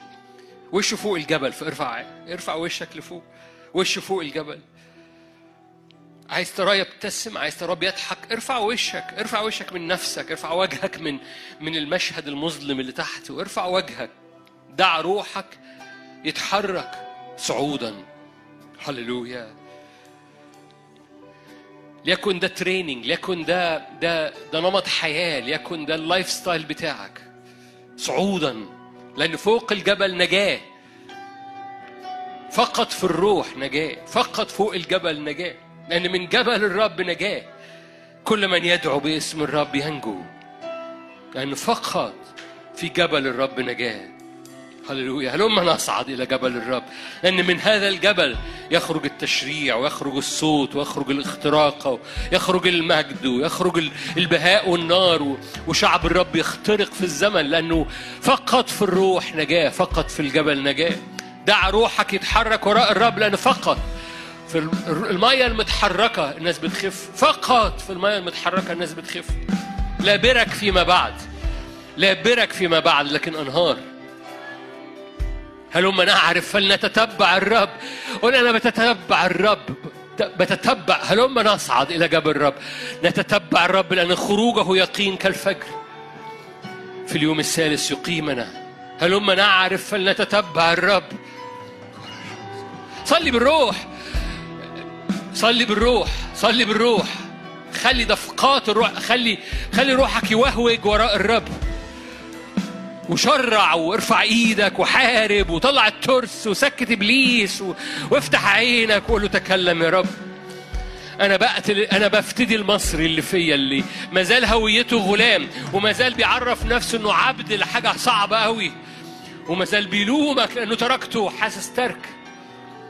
هللويا باسم الرب يسوع. أنا بصعد إلى جبل الرب. أنا بصعد إلى جبل الرب. أنا برفع أجنحتي باسم الرب. هلما نصعد إلى جبل الرب. قولها. قولها. هلما نصعد إلى جبل الرب. ده اختبار شخصي واختبار جماعي. أنت بتختار إنك تشرب من المية الجارية بسكوت. أنت بتختار ما تحفرش آبار مشققة. لكن تجري وراء الرب. هللويا. هللويا. هللويا هللويا هللويا هللويا باسم الرب يسوع هللويا باسم الرب يسوع هويتك روح هويتك روح هويتك روح هللويا عارف بعد ما حفروا نفسهم أبار مشققة إيه الايه اللي وراها؟ ما قلتهاش. عبد أنت أم مولود البيت؟ إيه هويتك؟ عبد ولا مولود البيت؟ لأنك مولود البيت ما تحفرش أبار مشققة ماء. لأنك مولود لأن دي هويتك. فارفع إيدك. عبد أنت أم مولود البيت؟ مولود من الروح يبقى مش محتاج أبار مشققة ماء. لماذا صرت غنيمة؟ زمجرت عليك الأشبال أنفض ده انفض هذا التراب لأن فوق الجبل نجاة. فوق جبل الرب نجاة. فاجري معايا اجري خلي روحك تجري صلي بالروح. استرد النار استرد المحبة الأولى استرد الحماسة الأولى. أنا بجري وراك يا رب. أنا بديك صلاحية تعمل دوشة من فضلك. اعمل دوشة انسى اللي جنبك. اعمل دوشة. حتى لو اللي جنبك مراتك حتى لو اللي جنب جوزك حتى اللي جنبك أصدقاء ليك من فضلك اعمل دوشة انساهم. لما الأعمى صرخ لما الأعمى صرخ يسوع وقف. هللويا. لما الأعمى صرخ يسوع وقف كل الناس حاولت تسكته صار يصرخ أكتر لما الأعمى صرخ يسوع وقف نعم اهتف وراء الرب باسم يسوع. خلي روحك تتحرك وراء الرب. دع أرواحكم تتحرك. املأ أراضينا مية. حرك الأنهار من بطنك. لن أتركك لن أطلقك إن لم هللويا. تطلق صوتك وتطلق محبتك. أنا برجع للمحبة الأولى. عبد أنت أم مولود البيت؟ لماذا صرت غنيمة؟ لن أكون غنيمة قول كده لن أكون غنيمة للخوف لن أكون غنيمة للضعف لن أكون غنيمة للأزمنة اللي أنا فيها. عبد أنت أم مولود البيت؟ المولود من الروح هو روح. المولود من الروح هو روح. هويتك ابن روحي هويتك ابن للروح. حر! اعلن حرية أنا مش غلام مصري أنا مش غلام مصري. البعض محتاج يقولها. أنا مش غلام مصري أنا مش عبد العماليق. أنا مش متروك. حتى لما بضعف أنا مش متروك. أنا مش غلام مصري. هي! باسم يسوع. خرج صوتك. أنا أنا أنا بخرج صوت في الميكروفون عشان أنت تجد الصلاحية إنك تخرج صوت. أنا مش غلام عبد للازمنه السابقه وعبد لتاريخ. باسم الرب يسوع مش بشرب من أبار مشققة. ماء حياة مجانا يسوع. من يشرب من هذا الماء لن يعطش ابدا. فأنا فوق جبل الرب نجاة فقط في الروح نجاة فقط في الروح نجاة. هللويا.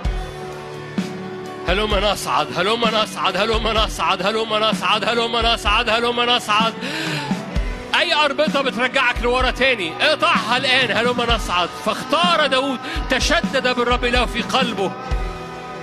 هللويا هللويا. تشدد بالرب إلهه في قلبه. جاب الأوريم جاب الأفود أوريم والتميم.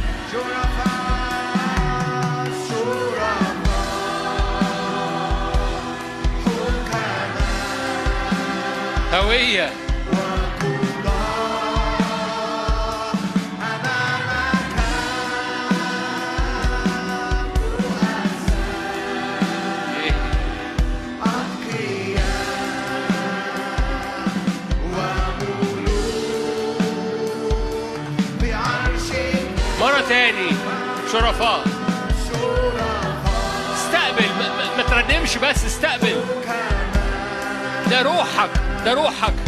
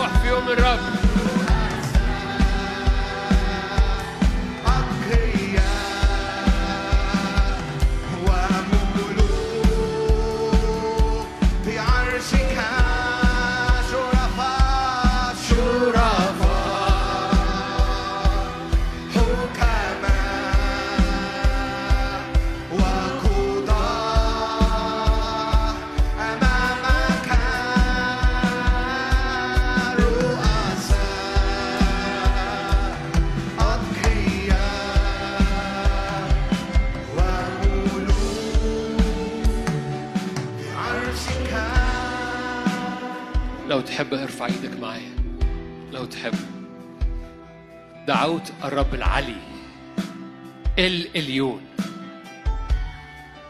الرب العلي موجود في الموضع المرتفع المقدس بيسكن ومع المتواضع اللي بيسجد قدامه.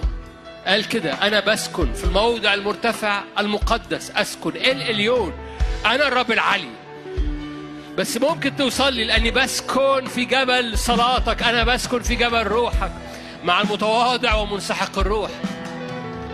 الاليون الرب العلي. رتبة كاهن الرب العلي. إحنا بنكهن أمام الاليون هو ده المكان اللي بنقف فيه. في الموضع المرتفع المقدس. بيسكن. وفي روحك اللي بيسجد وبيعبد. بيسكن. الرب العلي فردد معي. أنا كاهن الاليون أنا بعبد قد أمام الإليون هللويا. هو دي رتبة ملكي صادق كاهن الرب العلي. الإليون الرب العلي. هللويا. افتخر بإلهك. اعلن إن هو علي. اعلن بيضحك على مؤامرة الملوك والرؤساء. الرب العلي. هللويا. اللي بيسأل يقول لك اسألني فأعطيك الأمم ميراثا. هللويا. ما أرهب هذا المكان. فوق فوق الجبل نجاة بس فوق الجبل في الإليون الرب العلي اليوم فوق الجبل فوق الجبل نجاة بس فوق الجبل الرب العلي أيضا. الاليون الرب العلي عالي هو على كل الشعوب يحمدون اسمه العظيم المهوب.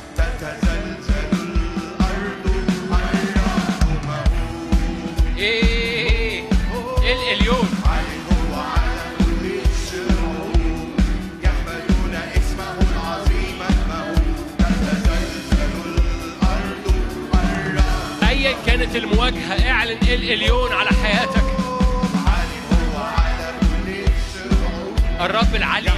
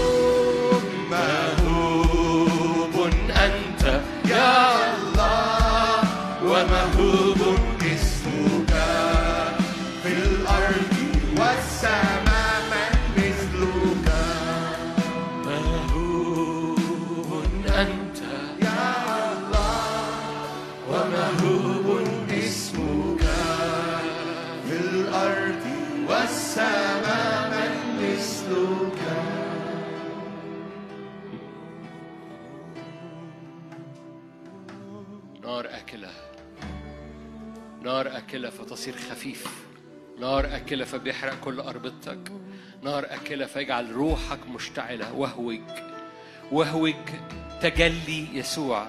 صليها. قل له وهوج تجلي يسوع فيا. خلي نار تجلي يسوع. تلمس كل حاجة في عينيا في قلبي في نفسيتي. فأصير خفيف.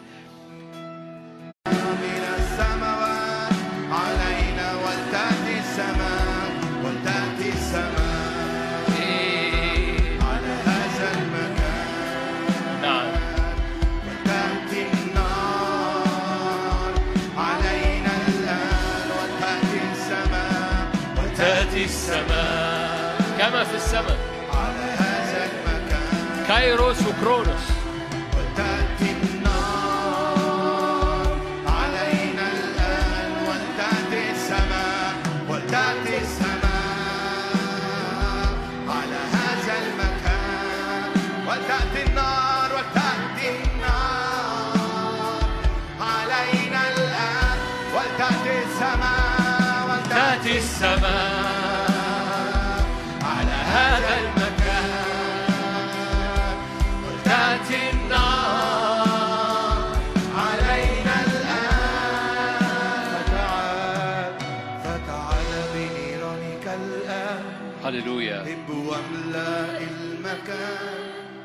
نار الغيرة نار القداسة نيرانك تخصص هيكلي فتعال بنيرانك الآن.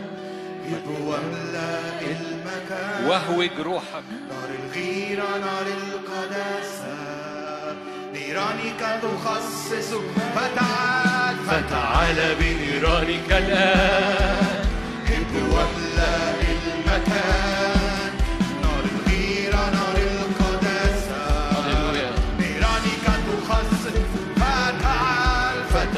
فتعال بنيرانك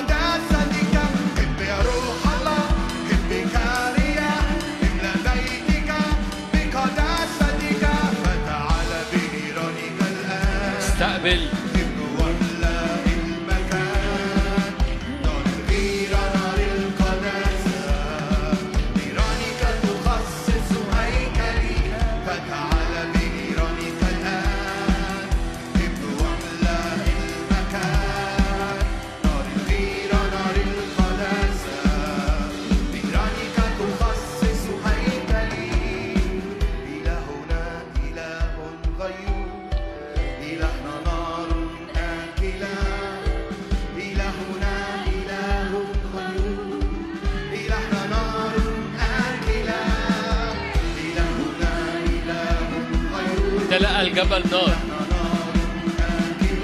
امتلأ الجبل نار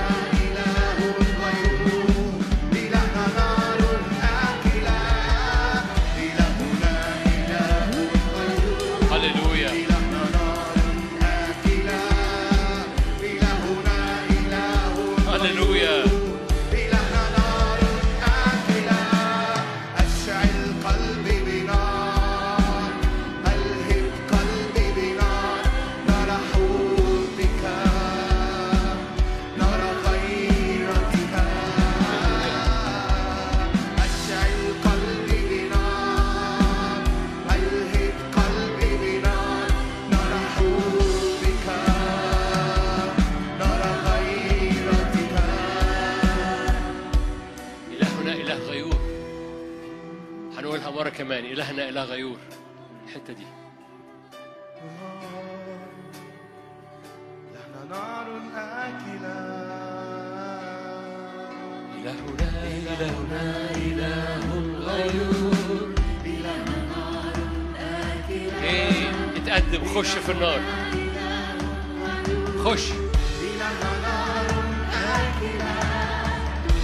في اليوم السابع نداه فدخل موسى في النار. إيه جدية إلهنا رددها رددها لغاية ما تستوعبها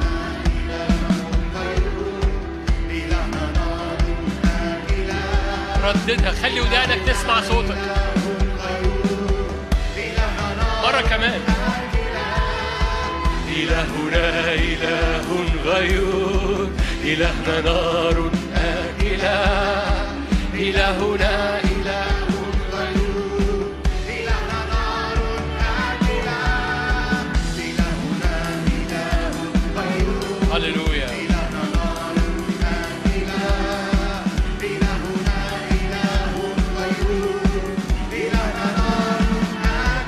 لترتقد الأرواح فينا خلي روحك ترتقد ورا هذا الإله ارتقد وراه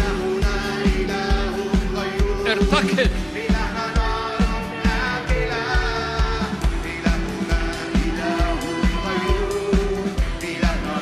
هللويا.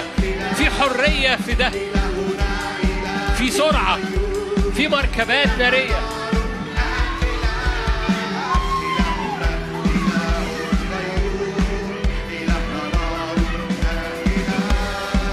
إلهنا إله غيور. إلهنا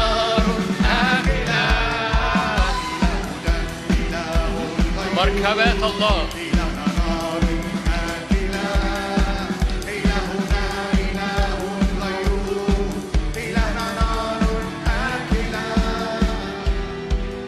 ارفع إيدك معايا. هللويا.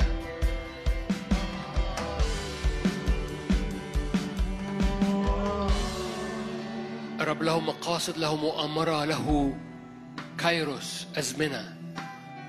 العبادة والمحبة وصعودنا بيأتي بهذه الأزمنة للكرونوس. بيأتي هذه الأزمنة للاثنين والثلاث والأربع والتاريخ بتاعك.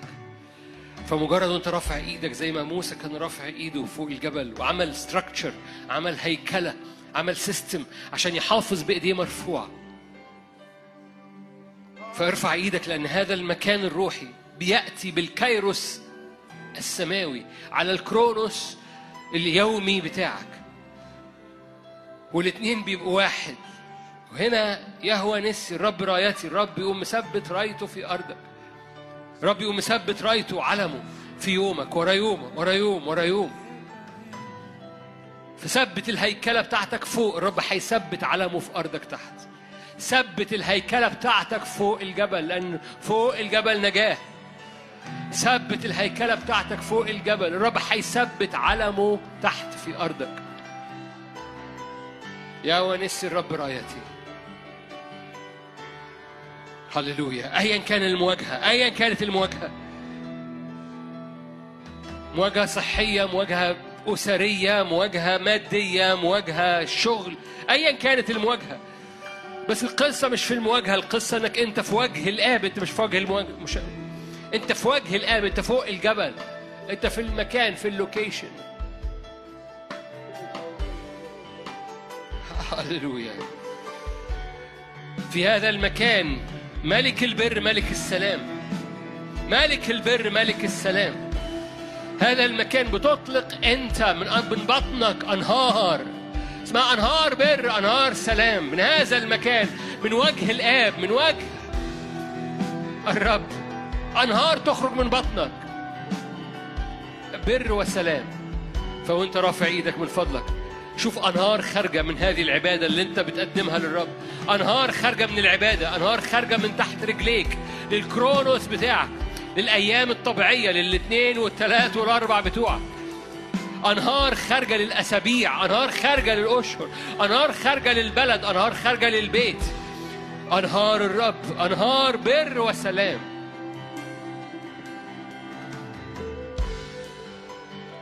باسم الرب يسوع هللويا. افتداء في أرضك. ردد افتداء افتداء. افتداء. ينقذ غير البريء. افتداء. بسبب إيديك المرفوعة. افتداء باسم الرب يسوع. افتداء. افتداء. هللويا. هللويا. هللويا. هللويا. هللويا.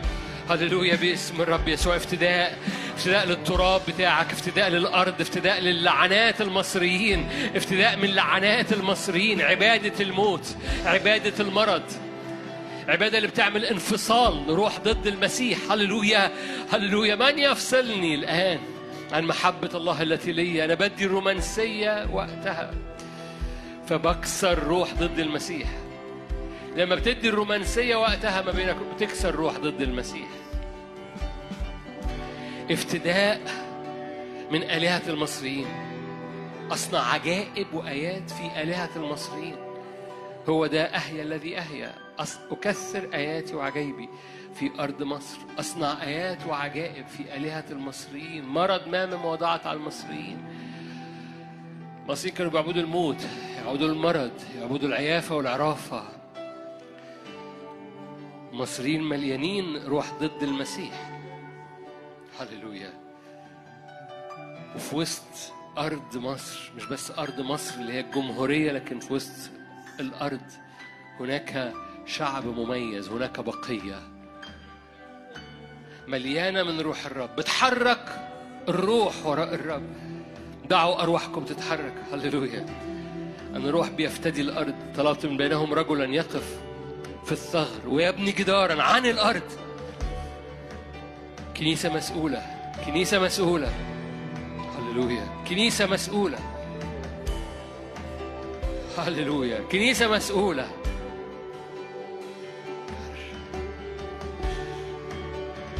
اختبار جماعي. هللويا. شعب الرب واقف صف واحد. على رتبة ملكي صادق ملك البر ملك السلام. كاهن الرب العلي. يقفون عن الأرض. هللويا. يسألون من أجل الأمم والشعوب يسألون من أجل الأمم والشعوب. مؤامرة الرب الكايروس الإلهي يأتي على الكرونوس الأرضي. ويصير الاثنين واحد. مؤامرة الرب تنجح في أراضينا. مؤامرة الرب تنجح في حياتك في بيتك في شغلك. مؤامرة الرب تنجح في بلدنا. مؤامرة الرب تنجح في البلاد المحيطة بينا. باسم الرب يسوع مؤامرة الرب تنجح لأن إحنا بنقف قدام الرب.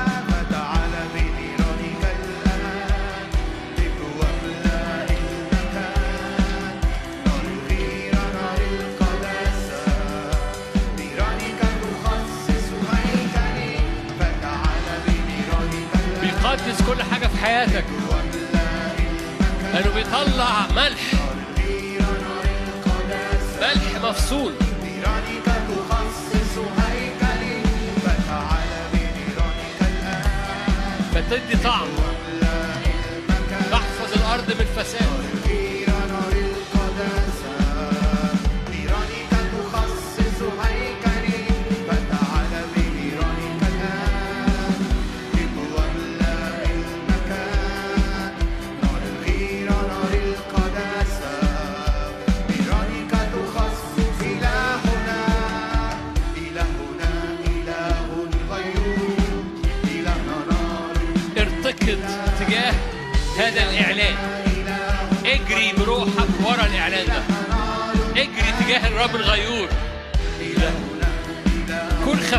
واجري ورا الإعلان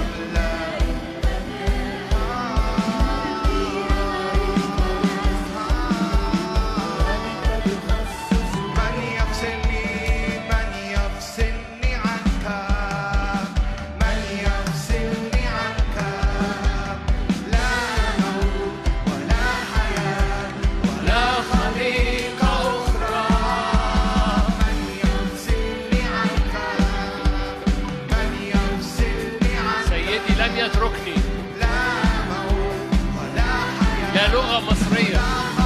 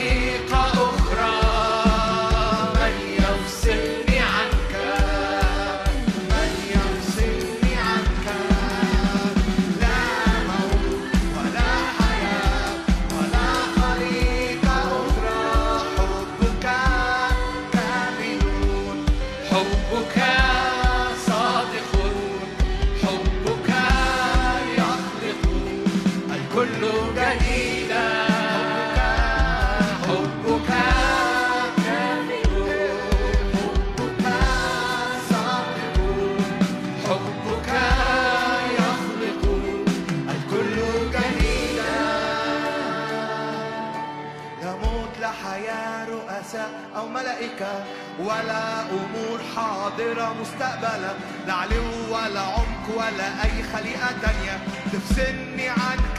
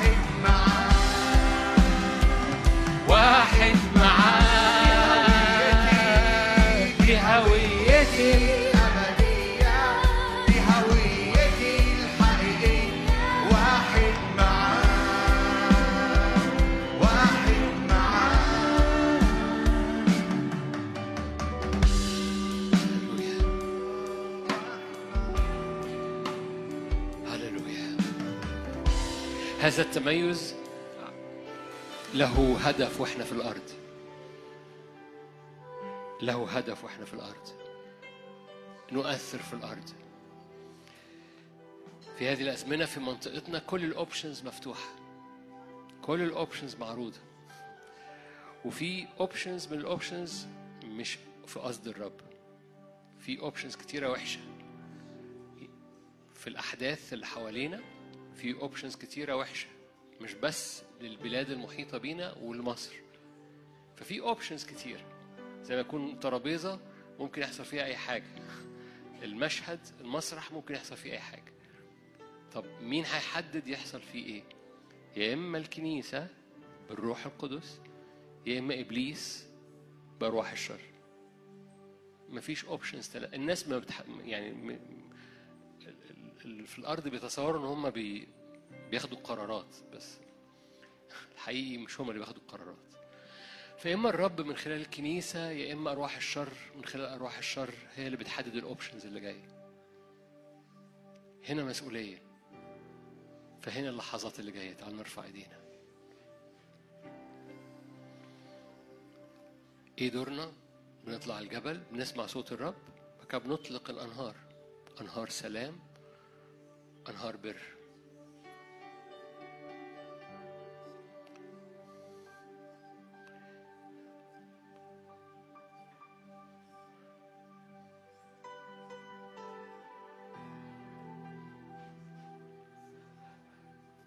من الأرض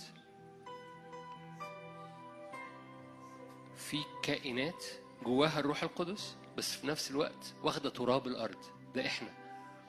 واقفين قدامك يا سيد هويتنا أبناء هويتنا روح. بنقول لك إحنا واقفين في الأرض. بنطلب افتداء بنطلب مراحم. واقفين في الأرض بنطلب حركة روحك بسيادة إلهية على الملوك على الرؤساء على رؤساء الجيوش على مؤامرات الشر على أرواح الشر. طالبين سيادة طالبين رش دم رش دم على المنطقة رش دم على التخوم رش دم على مؤامرات إبليس. احرق.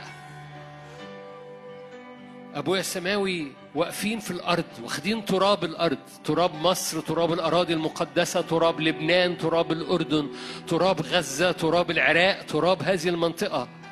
واقفين بيه قدامك أيها السيد. رافعين إيدينا قدامك أيها السيد. ليأتي ملكوتك. افتدي ارحم قدس.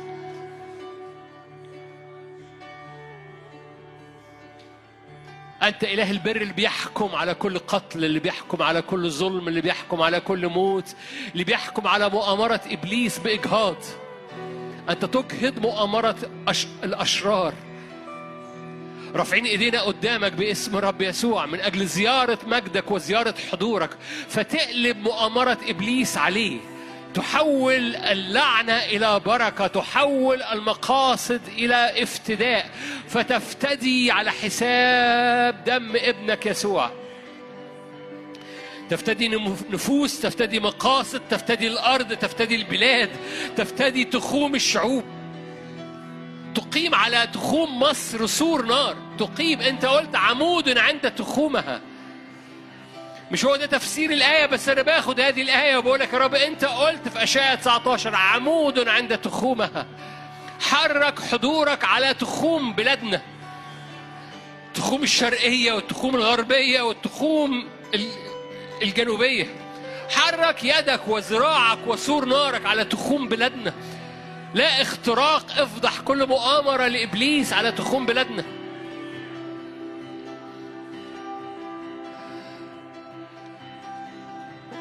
مؤامرة إبليس تفشل خطة إبليس تفشل خطة العالم تفشل أفكار الأرض تفشل باسم الرب يسوع أفكارك أنت أنت لأنك حددت هللويا بحدود مسكن بلدنا.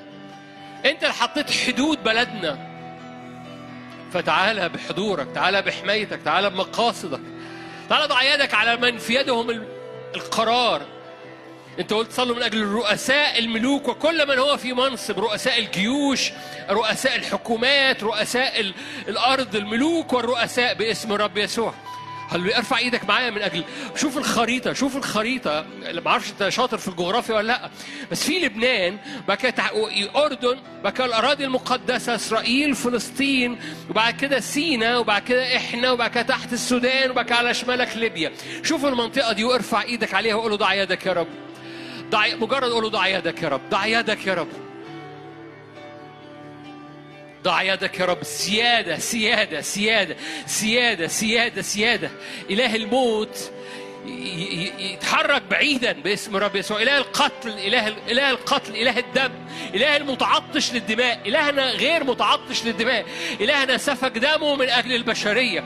إلهنا مش بيشرب دم إلهنا فدى بالدم. إلهنا مش بيشرب دم إلهنا فدى بالدم. باسم رب يسوع. باسم رب يسوع. فقول له تعالى بيدك تعالى بسيادتك تعالى بسلطانك على هذه الأراضي. باسم رب يسوع. افتدي.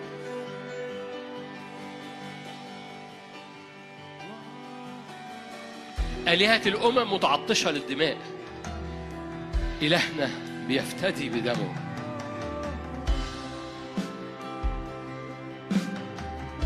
مجدك يا الله. سيادة سيادة. مجرد اطلب سيادة سيادة سيادة. سيادة. سود يا ملك سود يا ملك. سود سود على التخوم سود على المعابر سود على الحواجز سود على تخوم البلاد حدود البلاد. سود على المحتاجين انقذ المسكين. ابرئ غير البريء. هللويا. تعالى اقضي بالعدل للمساكين. احكم بالانصاف لبائس الأرض. اضرب الفساد وال... واللعنة والقتل بقضيب فمك. افضح كل حاجة وراها إيزابل كل حاجة وراها ضد المسيح كل حاجة وراها روح ضد المسيح. كل حاجة وراها إيزابل وراها لويثان الرب يقطع رأس لويثان الحية المتحوية بسيفه القاس العظيم. هللويا. الرب العابر أمامنا يقطع رأس لويثان الحية المتحوية بسيفه القاس العظيم. الرب العابر أمامنا. الروح يستطيع مش أنت اللي بتحارب مش أنت اللي بتحاربي. الروح عابر أمامنا نار أكلة يقطع رأس لويثان الحية المتحويه بسيف القاس العظيم الرؤوس الهامة الرؤوس المتكبرة.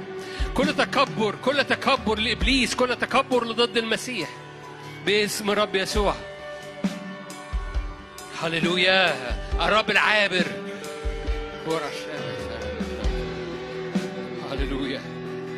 هللويا هللويا. إله العابرين إله البقية اللي فوق الجبل.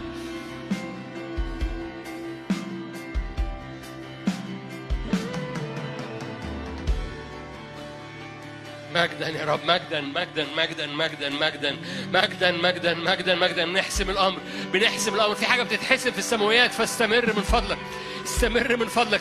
إنجيج بروحك خلي روحك يلتحم الآن.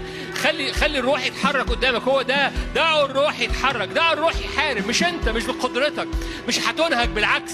انت هتخرج من الاجتماع ده منتعش لأن هم هم خبزنا مش هتنهك في هذه الحرب. دي مش حرب الإنهاك. دي حرب. بتاكل بتأكل فيها بتنتعش فيها روحك. فخلي الروح يتحرك قدامك. هللويا. كل رؤس كل رؤوس كبرياء.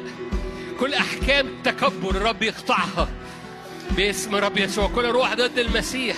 كل لوياثان. كل ايزابل وعيافه وعرافة وخداع. كل makeup makeup إبليس بيحطه عشان يظهر إنه ضحية وهو مش ضحية. باسم رب يسوع. فتح فتح باسم رب يسوع. يرتفع الميك اب يرتفع الخداع. ايزابل حطت ميك اب عشان لا ميك اب لإبليس لا ميك اب لإبليس. فيظهر ضحية وهو مش ضحية تفضح أرواح الشر. حربنا ليست مع لحم ودم. يفضح مؤامرات إبليس يفضح خداع إبليس. هللويا هللويا هللويا هللويا هللويا. حاسس ما زل ندي نفسنا دقيقة كمان. ادي- نفسك دقيقة كمان. في حاجة لسه بتتحسب في حاجة بتتحسب. خلي بالك كل ما بتحرك روحك فوق كل ما بتتحسب تحت. باسم يسوع باسم يسوع باسم يسوع باسم يسوع. هللويا. اقضي بالعدل للمساكين احكم بالانصاف لبائس الأرض اضرب الموت بقضيب فمك تميت الخداع بنفخة شفتيك. البر منطقة متانيك الأمانة منطقة حقويك. لا نحكم بحسب نظر العينين ولا بحسب سمع الأذن. نحكم بالعدل للمساكين بحكم بالإنصاف لبائس الأرض. في اسم الرب يسوع هللويا. أيا كان نوع الموت أيا كان نوع الظلم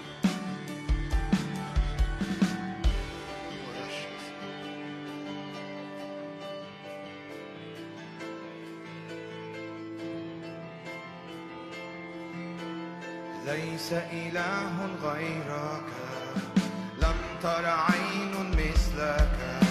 ارتفع يسوع بمجدك. في وسطنا ليس ليس إله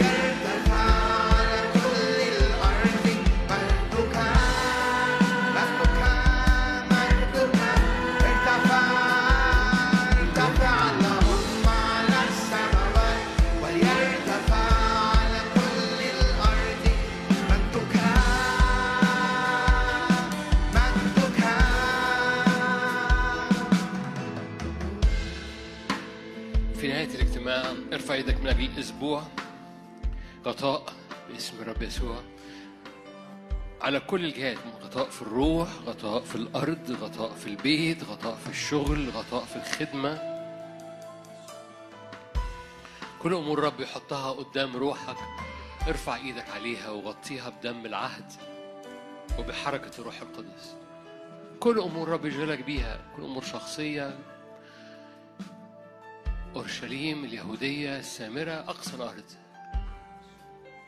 دايما الرب يحرك روحك من دايرة إلى دايرة من منطقة إلى منطقة. أورشليم ده حياتك الروحية. اليهوديه أورشليم السامره إلى أقصى الأرض.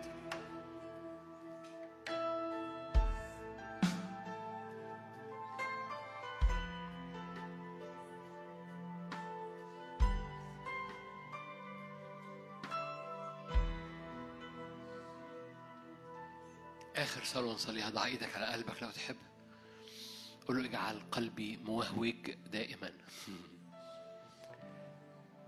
وهوج تجلي يسوع فيا. اجعلني حار بالروح يعني ببساطة اجعلني حار في الروح. اجعل روحي مستيقظة مرجعش للغيبوبة. افتح الوعي الروحي الإدراك الروحي لإنسان القلب بتاعي. فتبقى عيني ليا عينين وأبصر وليا ودان وأسمع. طوبى لأعينكم لأنها تبصر وطوبى لآذانكم لأنها تسمع. غي مصر ما يوقعش علينا في اسم الرب يسوع. محبة الله الآب نعمة ربنا يسوع شركة وعطية الروح القدس تكون معكم تدوم فيكم من الآن وإلى الأبد. آمين.